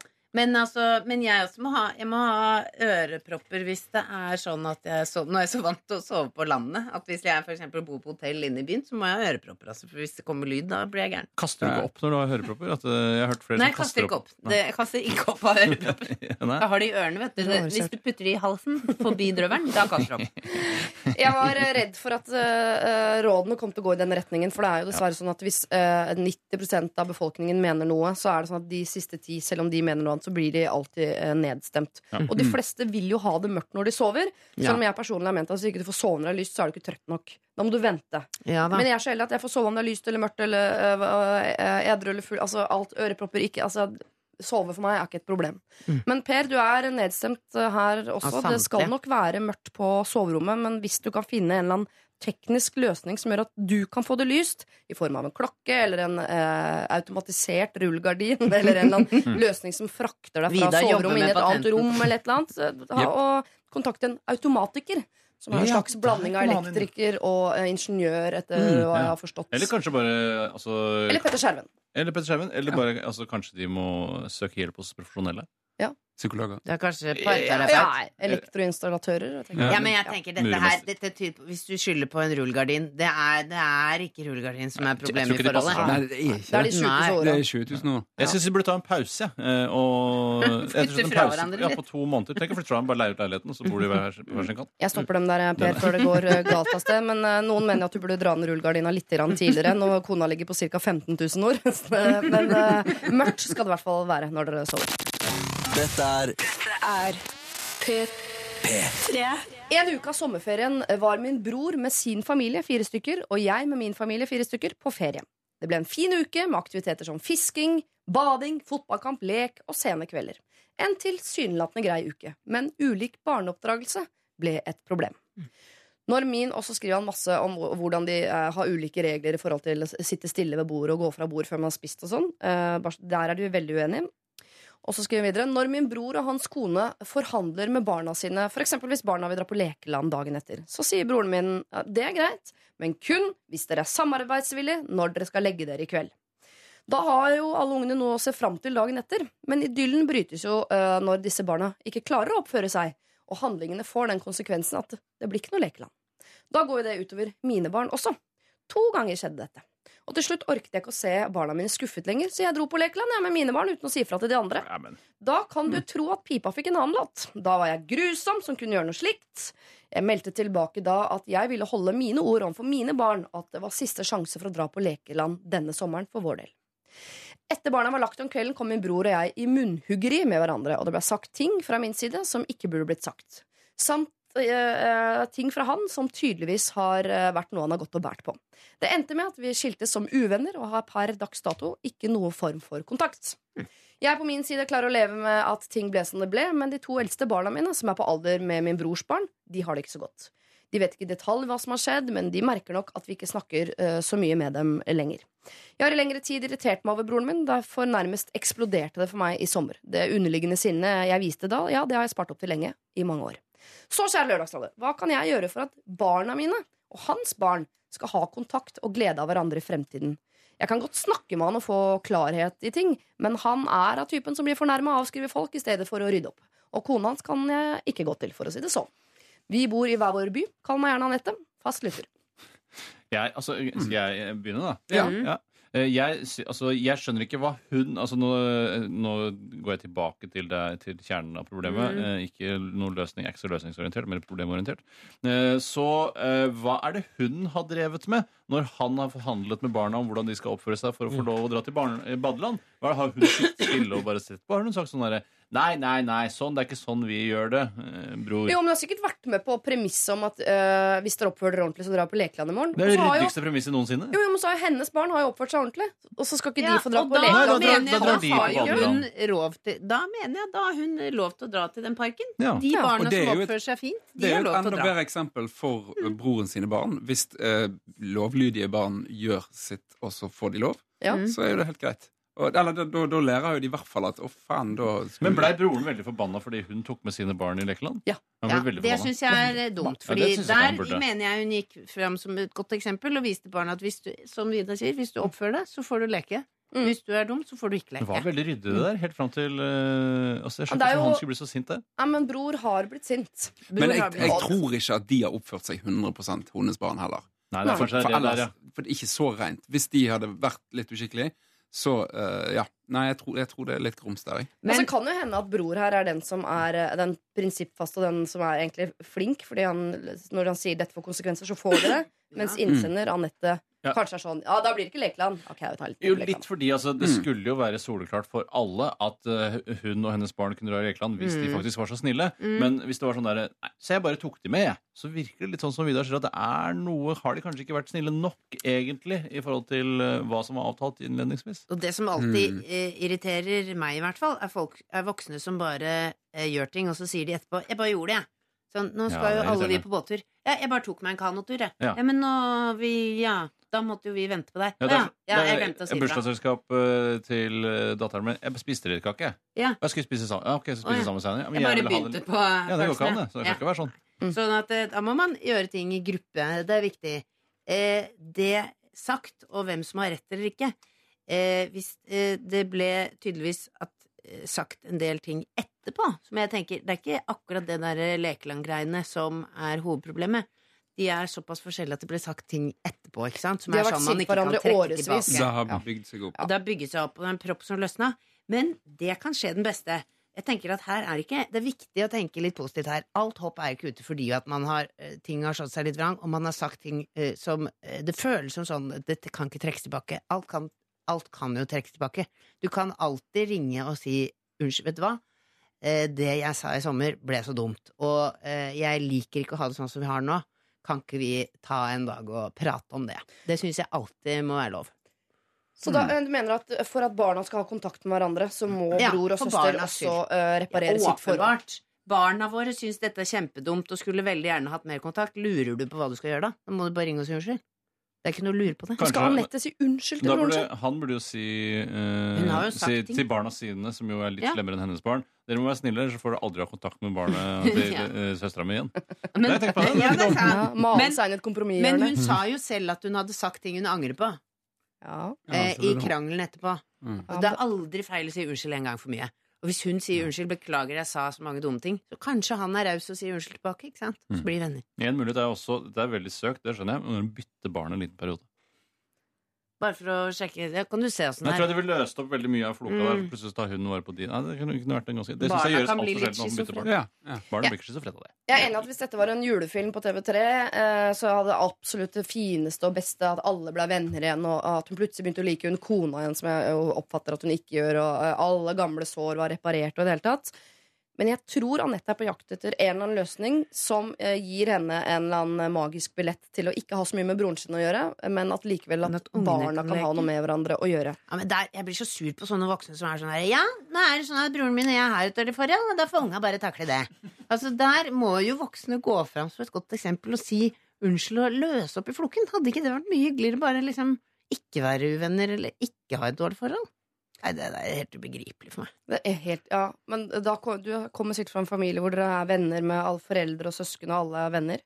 Ja, men vi tar opp alle problemer fortløpende, kontinuerlig. Det kan være slitsomt for noen, men for oss funker det veldig fint. Pernille, du syns vel filmen 'Ronja røverdatter' hadde vært veldig kjedelig hvis begge familiene elsket hverandre? Eh, Da hadde jo liksom hele magien mellom Birk og Ronja vært eh, borte. Ja, det kan du si. Love så gøy, det er litt spennende for barna at det er konflikter der Mm. oppe, eh, mens Mm. vi kan klare å være, eh, vise Ja. kjærlighet her nede. Eller enten er det spennende, eller så er det traumatiserende hvis mor sitter og griner hele tiden, da. Jo da, eh, verken Birk eller Ronja var fornøyd med tingenes tilstand, men, eh, men eh, de fant jo hverandre, og Ja. og forholdet deres ble jo sterkere av Ja, nettopp ungene konflikten skal ha muligheter, Ja. Men altså, da må man sende hvis, hvis foreldrene ikke skal ha noe kontakt, må du sende barna i sånn der rør, da, liksom sånn Sånn som Ja, du sendte vakuumpost, brev, liksom, ja. vakuumpost fra et hus til et annet, så de slipper å se hverandre. Ja, men det hadde vært veldig morsomt for barna.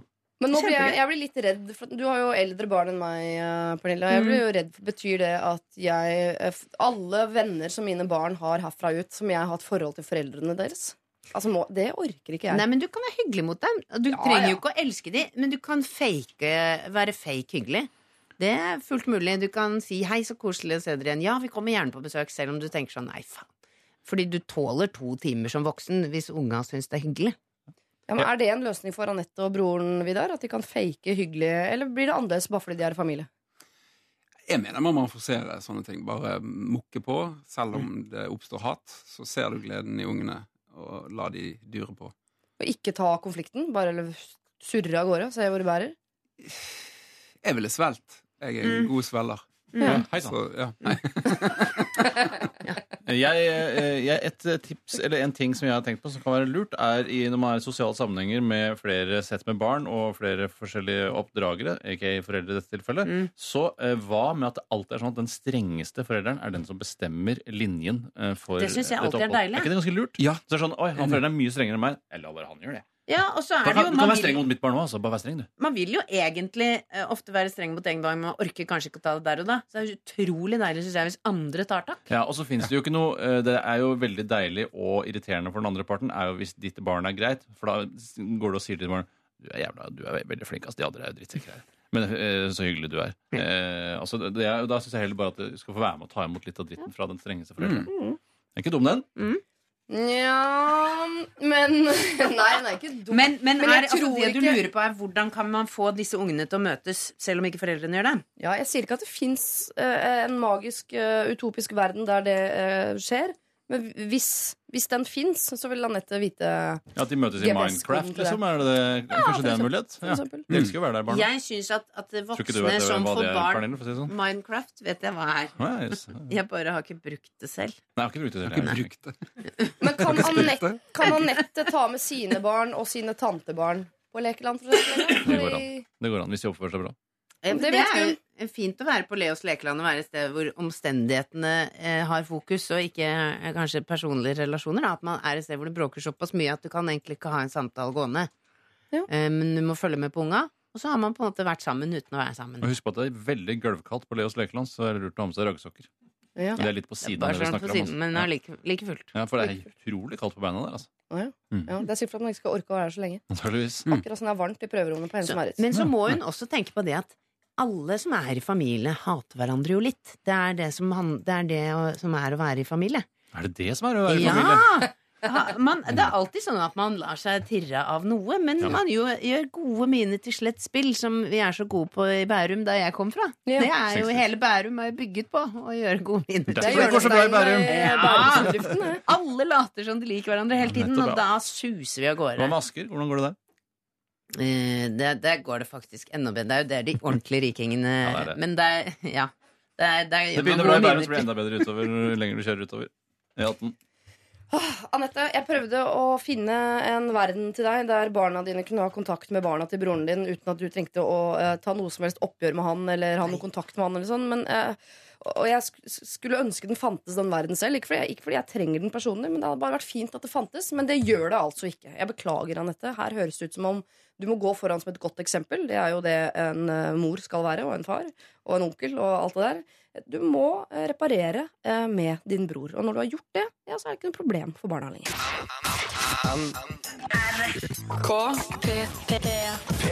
Jeg skal over til et uh, problem fra en som heter Mia, som har et problem uh, som hun ikke kan ta med noen av vennene sine. Så da tar hun det med oss i Lørdagsrådet. Så koselig. Vidar Magnussen, Tore Sagen og Pernille Sørensen. Kjære, fantastiske Lørdagsrådet.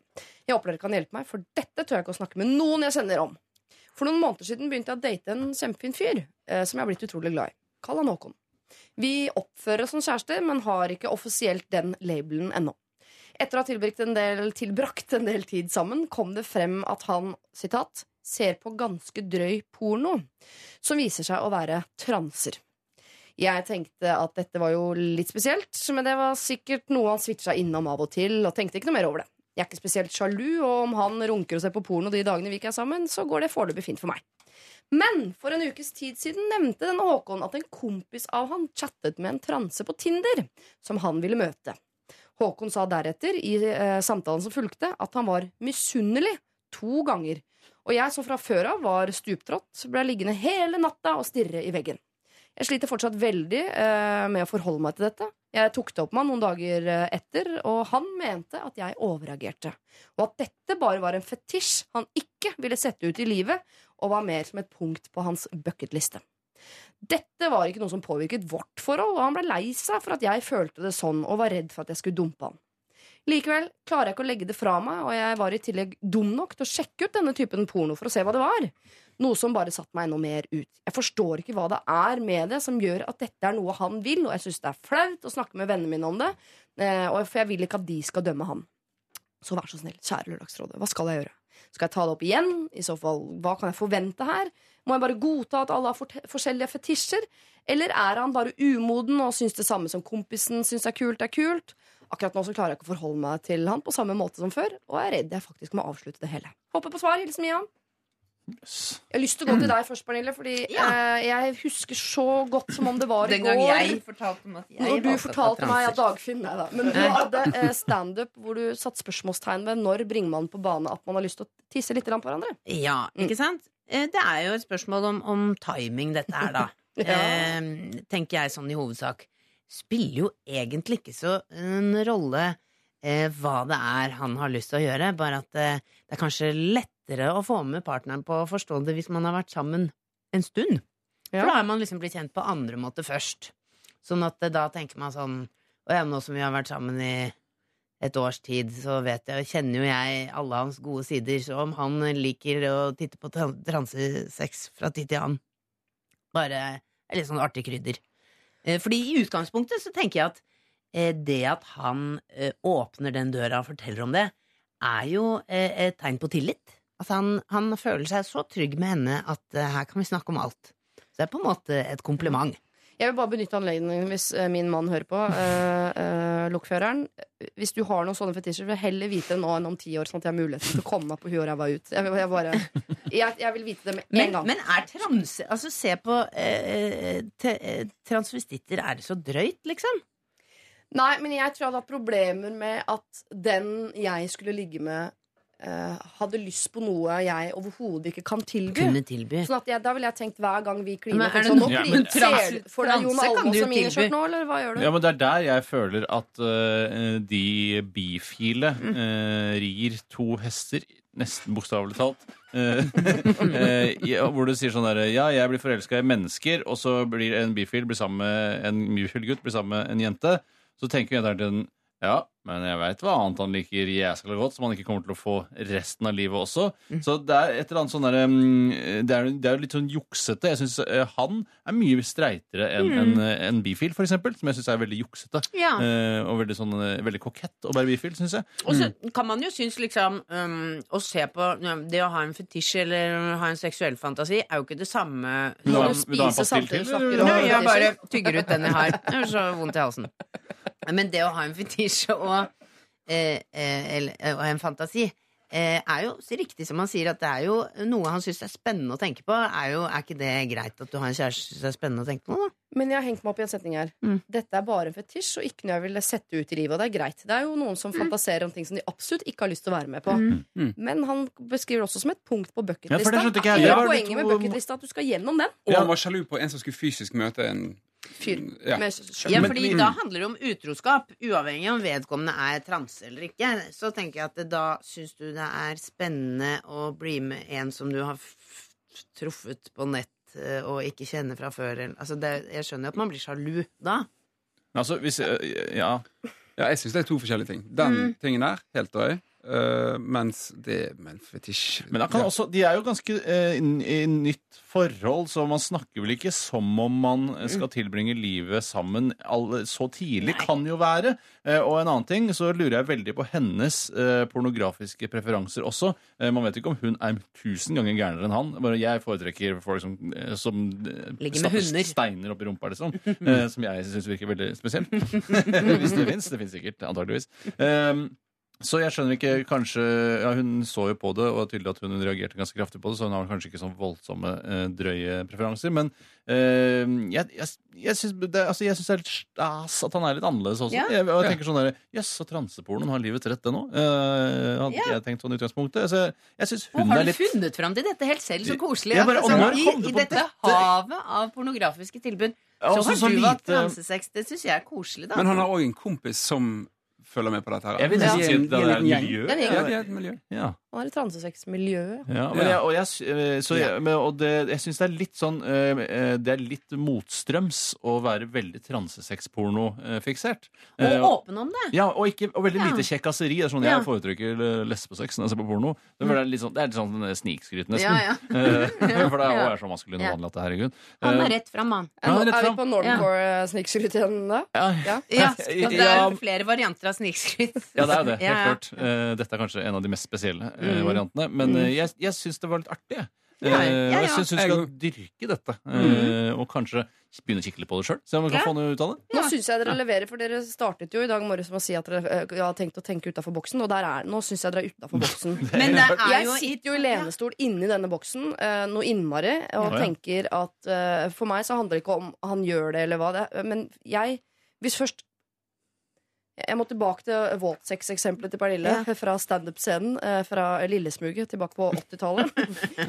Hvis, hvis en mann hadde sagt til meg eh, foreslått noe som for meg var he helt uaktuelt å være Ja. med på, eh, så kunne jeg ikke vært sammen med han etterpå. Da kunne ikke han etterpå sagt sånn Nei, da, vi dropper det. Ikke tenk noe mer på det. er Jo, for nå har det plantet en rosa, kåt elefant inni hodet mitt som nekter å gå ut. Det, går- jeg, jeg, eh, Men han har jo ikke sagt at hun skal bli med på det. Nei, nei, nei. Nei, men han, at han Jeg hadde ikke klart å ligge med en mann som jeg hadde en mistanke om at drømte om at jeg var en mann i kvinne... Altså, Men kunne du, Tenk om du hadde bare for gøy, da. Ja. Kledd deg- eh, kledd litt transete en kveld, og så hadde dere hatt helt sånn ellevilt bra sex.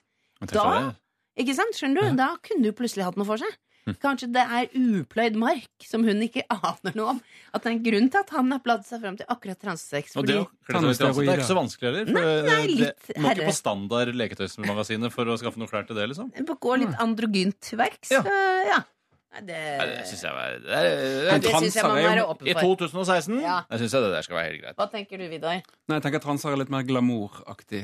Tror ikke de er androgyn. Er Terje Schrøder-aktig type, du? Terje. Ja. Ja. ja, men der kan man se faktisk meg, på en måte. Altså Hvis en jente tar på seg altfor mye sminke og altfor mye på øynene og sånn, og parykk, så ser man ut som en mann eh, med sminke. Men er alt Ja, transemiljøestetikken Er det showteater, liksom? Er det, eller fins det litt nøkternt uh, transestetikk ja, som er da hverdagskvinnen. Ja, rett og slett. Ja, det må være det, da. jeg tror det er burlesk, eh, russisk inspirert, Ja. hele greia. Ja. Ja. Det er fordommer fra min side, altså. Men Ja, jeg, jeg merker det. tror Fordommer det. Men, eh, men jeg syns at eh, såpass åpen må man kunne være, eh, og at er jo Hun er jo litt heldig som har en type som er så åpen allerede. Istedenfor at man er i et forknytt forhold der man ikke snakker om noen ting, så kommer han her med et tilbud. Og så må det være lov å si vet det er ikke noe for meg, men jeg skal ta en titt på det. Koselig at du, koselig at du legger det fram. Ja, vet du hva, jeg, skal, jeg blir med dere. Han har vært veldig åpen veldig tidlig, og Ja. han har blitt lei seg for at hun føler det sånn. Og Ja. er redd for at hun skal gå fra han. Ja. Så han virker som en, eh, egentlig som en veldig ryddig type. Fin. Som da egentlig fortjener å ha en litt sånn øh, artig fetisj som ikke er så ryddig. Yeah. Kanskje dette krydrer denne mannen og gjør han til et mer sammensatt og spennende menneske. Han kunne jo gått mye verre til verks. sånn. Det finner jo så mye rart der ute at, Det er litt at det Gud putte steiner opp i rumpa sånn. for eksempel, i rumpa. For da hadde jeg sagt da må du, da må du ikke være med han. Eller han kunne vært utrolig kjedelig, at du ble utrolig lei av han utrolig fort. Det, kunne, det er også en fare. Så Mia, ehm, hvis du kan leve med dette her, at ikke det preger liksom, ditt eh, indre i altfor stor grad, at du aldri klarer å legge det bort, du tenker på det hele tiden og sånn, så tenker jeg at dette her er bare en side du må respektere, eller i hvert fall akseptere hos han. Og tenke på det rett og slett som litt uh, krydder. Og prøv å trumfe Ja. hans seksuelle preferanser. Det syns jeg Ja. har vært artig å prøve. Ja.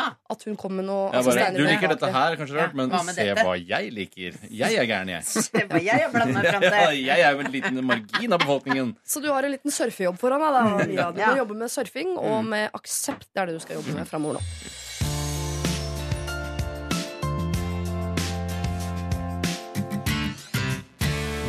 Lørdagsrådet. Jeg har et naboproblem. Naboen min i huset ved siden av er en veldig hyggelig mann. Veldig, veldig, veldig hyggelig mann. Han. Trenger jeg lese mer? Løs problemet. Nei. Eh, han, skal, han hilser, han skal alltid prate, har all tid i verden og tar aldri et hint om at nå er samtalen over. Huset vårt står sånn at når man står ved kjøkkenbenken, som er foran kjøkkenvindu, eh, vindu, så er man i blikkontakt med den som står ute på gata. På gata foran vinduet står postkassestativet, og i denne tiden folk kommer fra jobb og går for å sjekke posten, så står jeg ofte på kjøkkenet og lager middag. Naboen vinker febrilsk og smiler og mimer et hallo.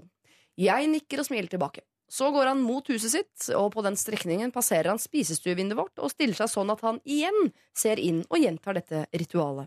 Er det over nå? Å nei da!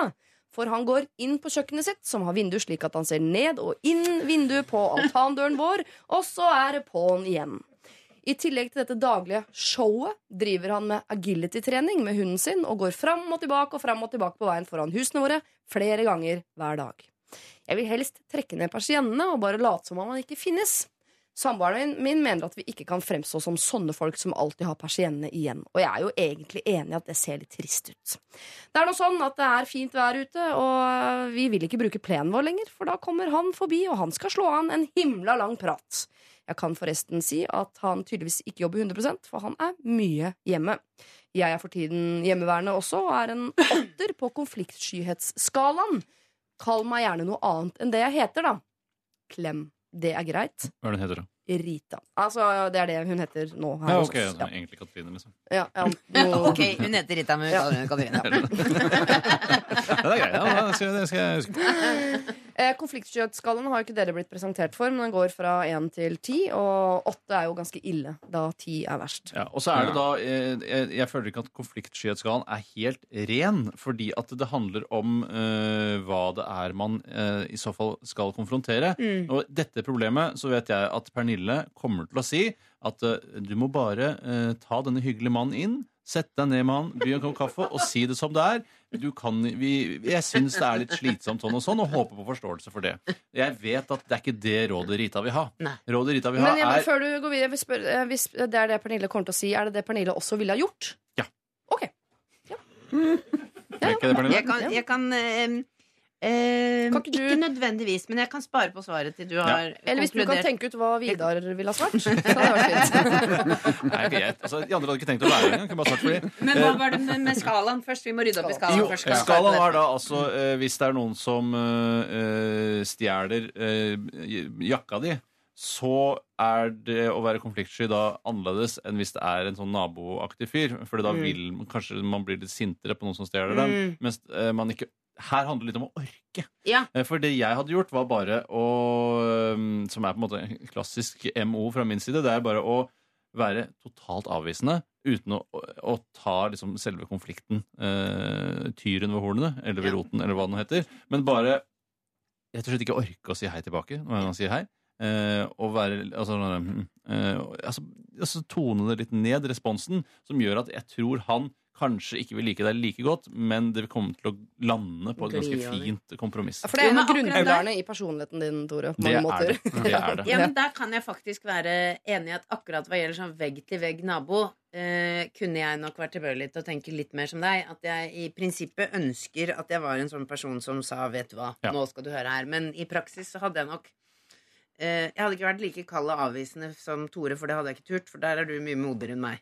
Syns jeg bare hyggelig. Jeg hadde valgt en litt mer spennende fremgangsmåte. Og jeg er ganske flink til å blø ut samtaler ved, ved å ikke være flink til samtaler. rett og slett. Ja. Altså tone ned Ja. dyktigheten til å samtale. Så at Eh, han syns det er kjedelig? ja, Eller ubehagelig? inn. Ja, bare være litt sånn synkopert og, og, og, ja. Urytmisk? Urytmisk. Synkopert, er det urytmisk? Ja, ikke det det? Jo, jeg Jeg tror vet ikke, jeg Altså det. være litt eh, Ja, sånn at han syns det er ubehagelig å stoppe Ja, sånn at det ikke blir en god flyt i, Ja. i hans At du hiver det på helt lurt. ting. Og så Ja. lager en sånn Altså der du bare av, eh, ja, avkler, holdt på å si, hans måte å samtale på. Ja, for Han har jo egentlig også et ansvar, for det, det å være en god nabo er jo en eh, vitenskap, egentlig. Men også en dannelse som burde ligge i ryggmargen til folk flest. Eh, hvis ikke du bor da helt alene ute på landet som deg, Pernille. Ja. Jeg helt Eh, gjør faktisk ikke det. Du, du, jeg vet at du er en veldig flink nabo. Mm. Eh, for man skal jo ha en viss distanse, en armlengdes avstand, Mm. som det populært blir kalt, eh, som er da som er, altså Det er ikke så veldig vanskelig å fatte hvordan man vil at andre skal ha det sånn egentlig. Nei. Du vil ikke bli utrolig god venn med noen bare fordi de bor veldig nærme Nei. der hvor du bor. Eh, og, og det Derfor fortjener han litt sånn eh, synkopert prat. Ja. Eh, litt u... Altså, det det er ikke i takt. Det, skal, det går ikke noe bra for han når han snakker med dere. Drep er kjemien. klart, Ja, det drep er- kjemien. Jeg er jo for å ha, uh, et veldig godt forhold til naboene, men det er klart, når det blir uh, såpass invaderende at han kan se deg uh, gjennom alle vinduene i huset ditt til enhver tid, Ja, og er vinker i hvert vindu, det er på en måte sånn at da, da begynner det å bli Kan det føles litt sånn overhyggelig, da. Men da er det også mulig å, å få til en slags sånn persienneløsning i det ene vinduet, i hvert fall, da, der hvor han ser mest inn. Ja. At man kan ha en, en gardin, en tynn lingardin som på en måte innifra gjør at du kan se ut, Ja. men, men utenifra gjør at du ikke kan se En inn. Ja, enveisgardin, altså vet du. man, man får, eller det er ikke enveisgardin, man kan på en måte både se inn og ut, men, Ja, den men er, det er ikke så det blir rart å hilse gjennom Det er ikke den. noe vits, for det er ikke noe vits å vinke, liksom. Nei. Det går jo altså an å prosjisere transesex på den største veggen du har. Uh, bare er for å skremme han vekk. det er også mulig. Ja, det er også en mulighet. Ja. Men uh, jeg liker jo forslaget ditt, Vidar. Det eneste beten- betenkeligheten jeg har med det, er jo Dette høres ut som en fyr som ikke er så var for eh, Mm. Altså, du er bare et Du kunne liksom vært et tre. Han er bare ute etter å hilse og prate og hilse og Mm. prate. Så om du er hyggelig eller ikke hyggelig eller uh, perforert eller perkotert eller disse ordene Ja, dere bruker, ja. disse tingene Dette, Jeg tror han kommer til å ense det. Ja, men det kan jo være hvis han, sånn, hvis han spør hvordan går det, så det går dårlig, jeg vil helst bare dø. Ja. Så er det vanskelig for han å respondere. Og så da planter du et frø sant? neste gang. Og, så, og angriper det sånn som du angriper veggdyr. Det er vanskelig å få de eh, ut, så du må ha flere midler. Så det, Oppfør det rart på forskjellige måter. På forskjellige måter ja, ut og, og være rar i hagen og sånn, sånn at han tenker Gud Ja. meg, hva som skjer med Vidar nå? Ja. Planlegge en strategi liksom, for uh, Ja. å maksimere Men det blir jo et, det blir jo et livsprosjekt. Dette går Ja, fort. men det, jeg tror ja, det, det går fort. Hvor Altså, lang tid tror du det vil ta? tre uker. Ja. Ja. Anslagsvis. Tre til fem uker, vet jeg ikke. Kanskje. Ja, han kan være seig, han her. Altså. Men du kan si, så er det jo også det å, om å gjøre å virke travel. Det er jo et veldig fint triks hvis folk er for hilsete eller er, vil stoppe opp og prate. Mhm. Virk så travel som mulig. Eh, og eh, det er jo på en måte synd å måtte klippe gresset hver gang du er ute i hagen, men hvis det er nødvendig for å slippe å samtale med han, så er jo klippe gresset en fin mulighet til å være ute, samtidig som du ikke trenger å prate med noen. Mm. Og en grunn til å være for deg sjøl. Ja, for jeg, altså jeg har sett for meg en veldig enkel løsning som jo er selvfølgelig funker. Det er å eh, være rasshøl, så er det ingen som har lyst til å hilse på deg. Men det, man vil jo ikke være det. Nei, for Og da man har jo lyst til å egentlig være en hyggelig nabo, men Mm. man vil bare være der litt eh, mindre. Man vil, ikke, man vil hilse én gang, ikke tre. Så hun vil jo ikke fjerne han. Hun vil ikke at han skal synes at hun er gæren. Hun vil bare tone hele det der showet til naboen litt grann ned. Hun kan si hei, slå an en bitte liten prat, men ikke masse og hver gang og hei og hei og hei. Og, Et annet, en fare ved det der å oppføre seg som drittsekk er at eh, hvis man eh, La oss si man blir tiltalt for et mord man ikke har begått, og så eh, bringes naboene inn som karaktervitner, og så spør eh, aktoratet hvordan var han som nabo. Drittsekk. Da får du det igjen, ikke sant? Ok, og, da, og, ja, og spør andre nabo. Drittsekk. Drittsekk, drittsekk. Ja, men det er det du må tenke på karma kontinuerlig når du jobber som menneske eh, med, sammen med andre. her, på Ja. denne jobber kloden. som menneske. Eh, og da, og da må man jo oppføre seg eh, sånn at du eh, Sånn som du ønsker at folk skal være tilbake til deg. Og da, da mener jeg at hadde, Jeg ønsker jo at hvis folk eh, syns at jeg skravler for mye, det kan jo hende. Av og til. Det er ikke sikkert, det er ikke sikkert men det kan hende. Det er flere ord enn skritt ønsker løpet jeg at de skal gi et slags signal om at sånn, nå holder det, Pernille. Sånn at jeg kan snappe opp det. Sånn som jeg gjør når vi er på, på side om side. Så jeg klarer ikke jeg å si noe, men jeg bare fordyper meg i smarttelefonen Du min, og så skjønner du det med en gang. Jeg skjønner det ganske raskt at Ja. det nå er, nå vil Tore ha litt fred. Ja, vanligvis er jeg veldig glad i å prate, jeg òg, men noen ganger Du er har sånne eh, bolker hvor du er god til å skravle, og så plutselig blir du opptatt av snooker Ja. eh, på telefonen. Da skjønner jeg at nå har, nå har Tore brukt opp det batteriet igjen. Sånn sett er jeg mer ujevn enn deg, men du forstår det veldig godt. Og det Jeg leser, jeg, Veld... jeg leser det så tydelig at Jeg mener at hinting ikke er egentlig en kommunikasjonsform, men jeg, jeg, noen ganger så er folk nødt til å være litt vare for hinting. Sånn som her, naboen til Rita Mm. må skjønne at uh, når jeg ikke er eh, veldig veldig hilsete eller spiller snooker hver gang hun går forbi, så er det et hint om at jeg, jeg orker ikke Ja. showet ditt. på en Ja, måte Ja. og det er bra at man er tydelig. Ja. Ja. Det er fint, det. Ja. Ja. Så da står vi mellom tydelig hinting via snooker eller sånn type ting, eller å oppføre seg litt grann psykopatisk til han ikke orker lenger. Og så har du jo den fake-telefonen, da, som jo alltid er en mulighet. At Ja. du later som at du er i telefonen på vei inn. Ja, men Farken, kombiner nå alle disse tingene her. Det Ja, ja, ja. ja. bare tusen. En Det er Tre til fem uker. Eh, Snakk i telefonen, kjøp Litt noe hage... urytmisk. Snakk i telefonen litt urytmisk. Hei! Snakk med en suicidal hagenisse litt urytmisk i telefonen idet du går forbi. Ja. Da tror jeg, Rita, at dette problemet løser seg selv i løpet av en tre til fem ukers tid. Eh, vi skal til en som heter Ada, men Ada har ikke hett Ada så veldig lenge. Nei. Pernille Sørensen Steinar er ikke her, men det er broren hans Tore. Og, eller Bjørn, som han jo også kalles blant gode venner. og Vidar Magnussen. Um, hør på dette. Jeg har nettopp gjort noe så drastisk som å endre fornavnet mitt. Eller for meg var det egentlig ikke så veldig drastisk. Det gamle navnet, det gamle navnet mitt var Kristiane, som betyr kristen. Og jeg er veldig imot all form for religion. Det nye navnet er Ada. Navneendringen har medført en del spørsmål fra andre, hvor jeg føler at jeg må forsvare det valget jeg har tatt. Det er for så vidt greit. De fleste forstår det eh, etter at jeg forklarte meg. Men med familien er det verre. De sliter med å forstå og akseptere dette valget eh, eh, jeg har tatt. Jeg har ennå ikke sagt det til så mange i familien, bare de aller nærmeste. Så mitt problem er, skal jeg si til mine besteforeldre at jeg har byttet navn, noe som kanskje kan føre til mye dårlig stemning, eller kan jeg la være å si det til dem, og bare la de bruke mitt gamle navn? De vil jo si, eh, de vil jo si at jeg aldri fullt og helt blir hetende mitt nye navn, før de eventuelt går bort om en del år. Men kanskje det er lettere å svelge det enn skuffelsen og den dårlige stemningen. Samtidig må jeg si eh, dette til de andre i familien, som har fått høre om det nye navnet, slik at det ikke oppstår pinlige øyeblikk i f.eks. familieselskap og andre høytidsfeiringer. Hilsen Ada, 20 år. Ja. Ja, altså Det er jo eh, Det er modig å ta et valg som på en måte berører så mange andre rundt deg. Det syns jeg Ja. eh, man skal ha kred for. At, eh, at du tør å stå opp for det du selv har lyst til. Så må man også inni der tenke at eh, det, det Nå er det en voksen person som har Ja, vært på kurs altså- og lært å si noe Nei, positivt men før jeg bare det skipet selv. Hvis, søsteren min da Din utfordring Nei, er men, nei, men hvis søsteren min plutselig hadde villet bytte navn, og det Ja. var utrolig viktig for henne, Mhm. så jeg tenkte at jeg, jeg, jeg kan jo ikke håne deg for det. Jeg kan ikke si at det ikke er viktig for deg. Men det må være lov å si at jeg kommer til å glemme meg litt. Grann, jeg. fordi jeg er vant til å kalle deg Anniken, og hvis du skal hete Lise, så er det rett og slett eh, en annen person for meg. Mm. Um, så man må kanskje uh, tenke at mest sannsynlig kommer alle til å glemme det. I en god periode så kommer noen til å glemme det, og så etter hvert færre og færre.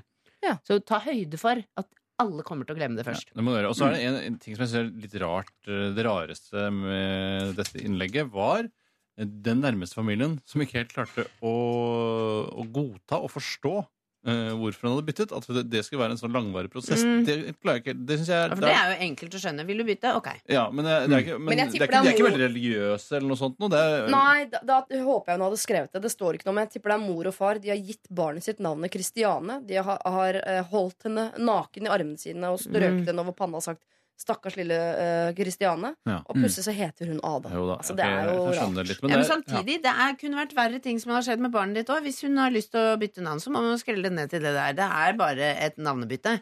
Ja. Eh, Kunne ha sett på transeporno, for eksempel. kunne ha Mm, gjort verre ting. Mm. Men går det an å finne en mellomløsning og si til at familien Kristiada. Dere Altså, Hun skal jo ikke bytte kjønn. Jeg skjønner at det er viktig for de som skal bytte kjønn. Jeg vil bli kalt han og ikke hun. Ja. Ikke sant? Det. Eller hen. Eller hen.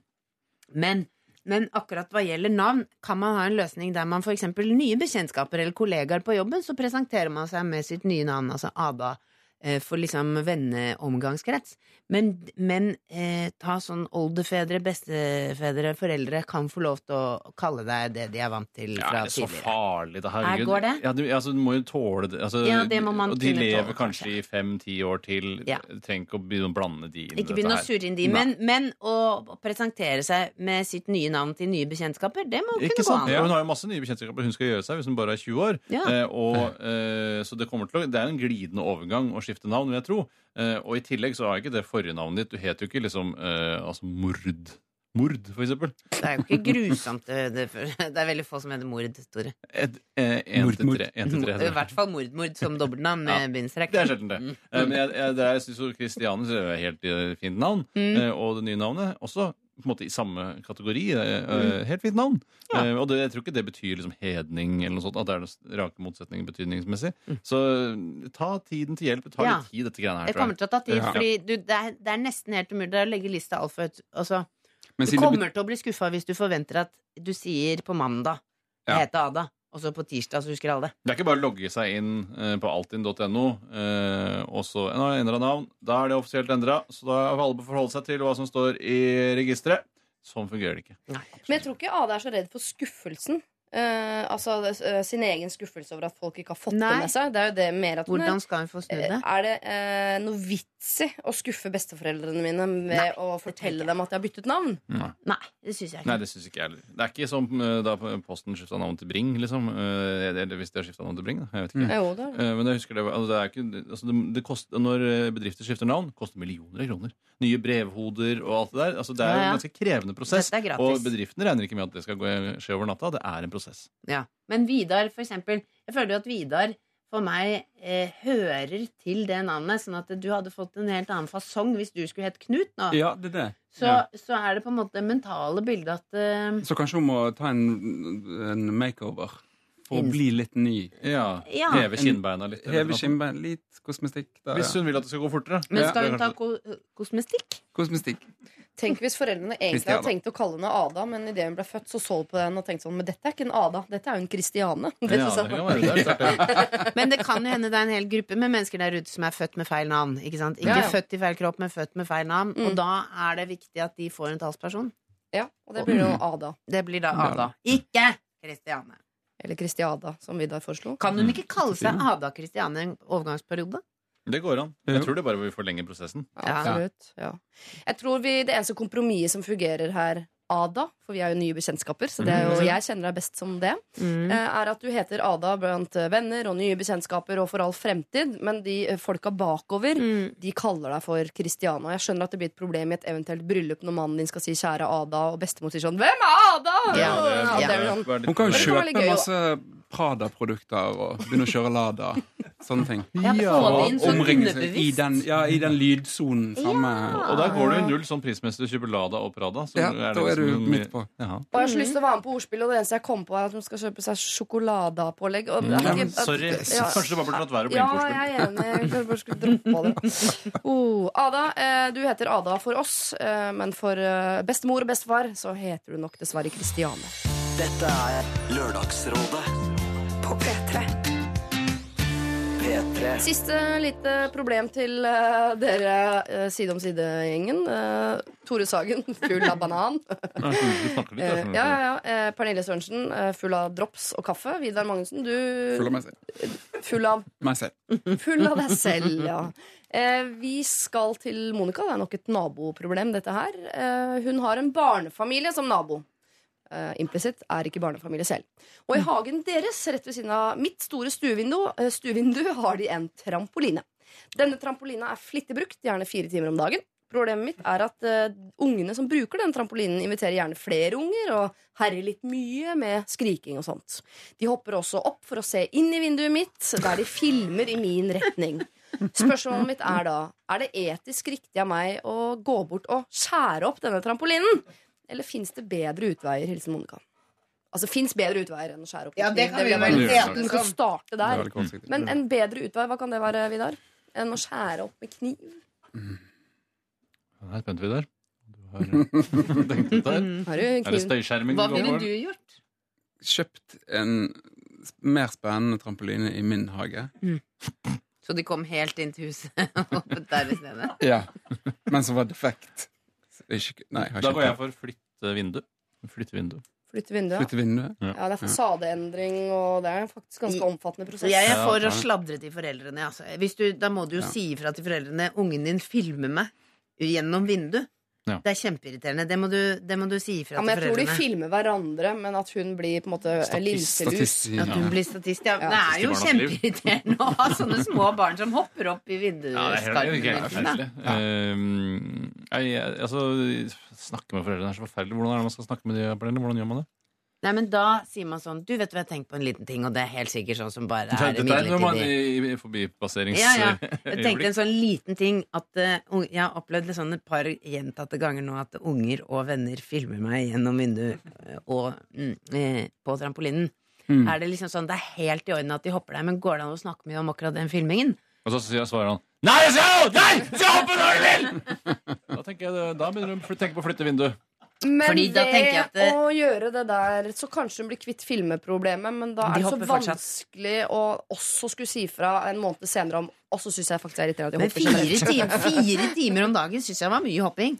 Ja, Det synes er jeg var mye, for vi har også trampolinen. Det er ikke fire timer. eh, Hvor mange timer hopping er det vanlig? Nei, er tipper hvis, man, altså, hvis de hopper litt spredt utover dagen, så samla 50 minutters hopping. Ok, ikke med Nei. nettopp, altså, da er dette virkelig i overkant, ja. Ja. Eh, Jeg tenker at Da gjør du ingenting annet enn å hoppe.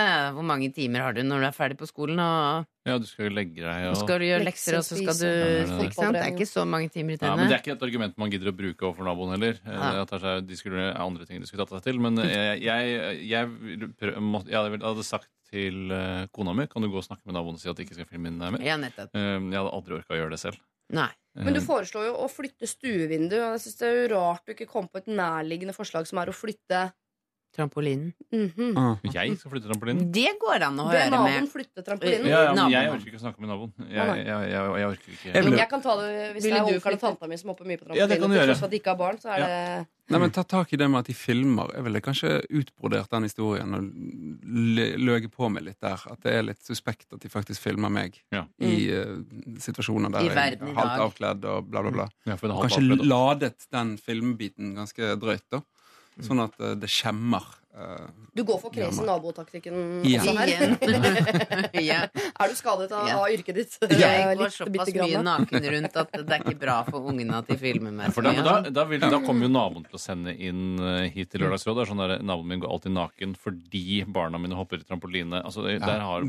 Og hun skriver ikke da fire timer om dagen, men antageligvis to, som kanskje er nærmere sannheten. Ja. Jeg hører at det er mange forslag som går på å flytte. Flytting av vindu, flytting av trampoline. Flytte problemet over til kona som må si fra. Eh, Eller eventuelt da f- bare flytte, som jo også er et er alternativ. Eller enveisgardin, som eh, Pernille. Enveisgardina, det går jo også, men det tar ikke bort lyden. Nei, men ta bort filmproblemet. Mm. Ja, det gjør det. Ja. At du har en lett en florlett lingardin. Florelett og har vært fint også. Ja. Nei, jeg vet ikke. Ja, jeg, ja. jeg er ikke noen interiørkonge. Altså. Nei, nei, men altså, ja. Si ja, går sikkert fint. Det høres ikke sånn ut, men Hvis det er filmingen som er selve problemet, så er selvfølgelig gardin et, uh, en løsning. Selv om Ja. jeg mener at du skal jo ikke ha gardin på ditt hus fordi noen andre Nei, nei. med det. det henger en kjempestor gardin bare rett Over foran trampolinen. trampolinen. Over ja. Trampolinen, ja. ja. Istedenfor sånn gjennomsiktig netting, så tar du noe uh, brannsikker molton. Men kan du ikke bare Du kan også gå inn og bare liksom bæsje litt på trampolinen deres, okay, eller gjøre det altså, Skjønner du? stopper det der. Ja, men hør, da! Ja, okay. Nei, men hør, da. Altså, Bæsje litt. bæsje litt. Si Ja. bare bæsje litt. Ja. Bare sånn at det, det blir et uattraktivt område for de å oppholde seg i. Ja. Og For den bæsjen vil du aldri glemme. Har vært der. Nei, ja, ikke sant? Det er det sånn, at så skal vi gå på trampolinen. Den har vært bæsj. Jeg husker jo det når det var liten, hvis det hadde vært sånn uh, altså, uh, hundebæsjhjørne i hagen. Der var det en katt som hadde tisset og sånn. Det var ikke mest der og lekte. Nei, Vi hadde også en på Holmlia der jeg bodde, som uh, kunne ha litt ekstra snacks i shortsen når man var ute og gikk, uh, på, på grunn av uh, nedsatte ressurser osv. Nå når han sklei en sklie, og du fikk den stripa etter, så ble jo aldri den sklia brukt igjen. Nei. Selv Sånn om man, eh, eh, foreldrene vasket den aldri så mye. Du, sånn at du, du må få de til å ikke ønske selv å være der. Det er nettopp det. Ja. Jeg vil jo nødig gå ut på siste problem i Lørdagsrådet i dag og anbefale deg å istedenfor å Nei eh, skjære opp trampolinen med kniv, skal gå og bæsje i den. Jeg føler- at vi er nærmere Nei da. altså. verdig løsning. det er ikke verdig. Det er Nei, men snakk med, snakk med, snakk med de. Ja. Ja. Ja. Det er jo kjedeligere, selvfølgelig, men Mye kjedelig. Vet du, jeg tar skjæren opp. du. Jeg tror det er best. kanskje vi var på sporet av noe, Monica. Kanskje det er kniv som er løsningen her. P3. Dette er Lørdagsrådet På P3. P3 Take Me Dancing sang de Slutface her i Lørdagsrådet. Og med de ordene så skal vi dele ut en kopp til den eller de dere mener at fortjener det mest. Eh, Jeg tar det fra toppen. Altså skal koppen i dag gå til Camilla, Bjørn, Maria og Knut, som vurderer å bli naboer, men er redd for at det skal gå utover vennskapet. Skal koppen gå til Sissel, som er redd for at barna hennes skal begynne å bruke ord som homsejævel og sotrør, fordi oldeforeldrene deres eh, bruker disse ordene. Skal gå til Per, som ønsker å våkne til solskinn og fuglekvitter, men kona mener at rullegardina skal være nede. Skal koppen gå til eh, Anette, som har eh, tatt med seg sine barn på lekeland fordi de gjorde som de skulle kvelden før. Det gjorde ikke barna til broren, så de fikk ikke være med. Nå snakker jeg ikke med broren sin, så han kan ikke be. Dere husker det problemet der. Eller skal det gå til eh, Mia, som lurer på hvordan hun skal unngå den utrolig hyggelige naboen som er så hyggelig at han hilser opp den tre-fire ganger om dagen og slår an en prat som varer ikke bare et kvarter, men i timevis. Skal det gå til Ada, som uh, inntil nylig het Kristiane, som lurer på om hun skal fortelle besteforeldrene sine om sitt eget navnebytte.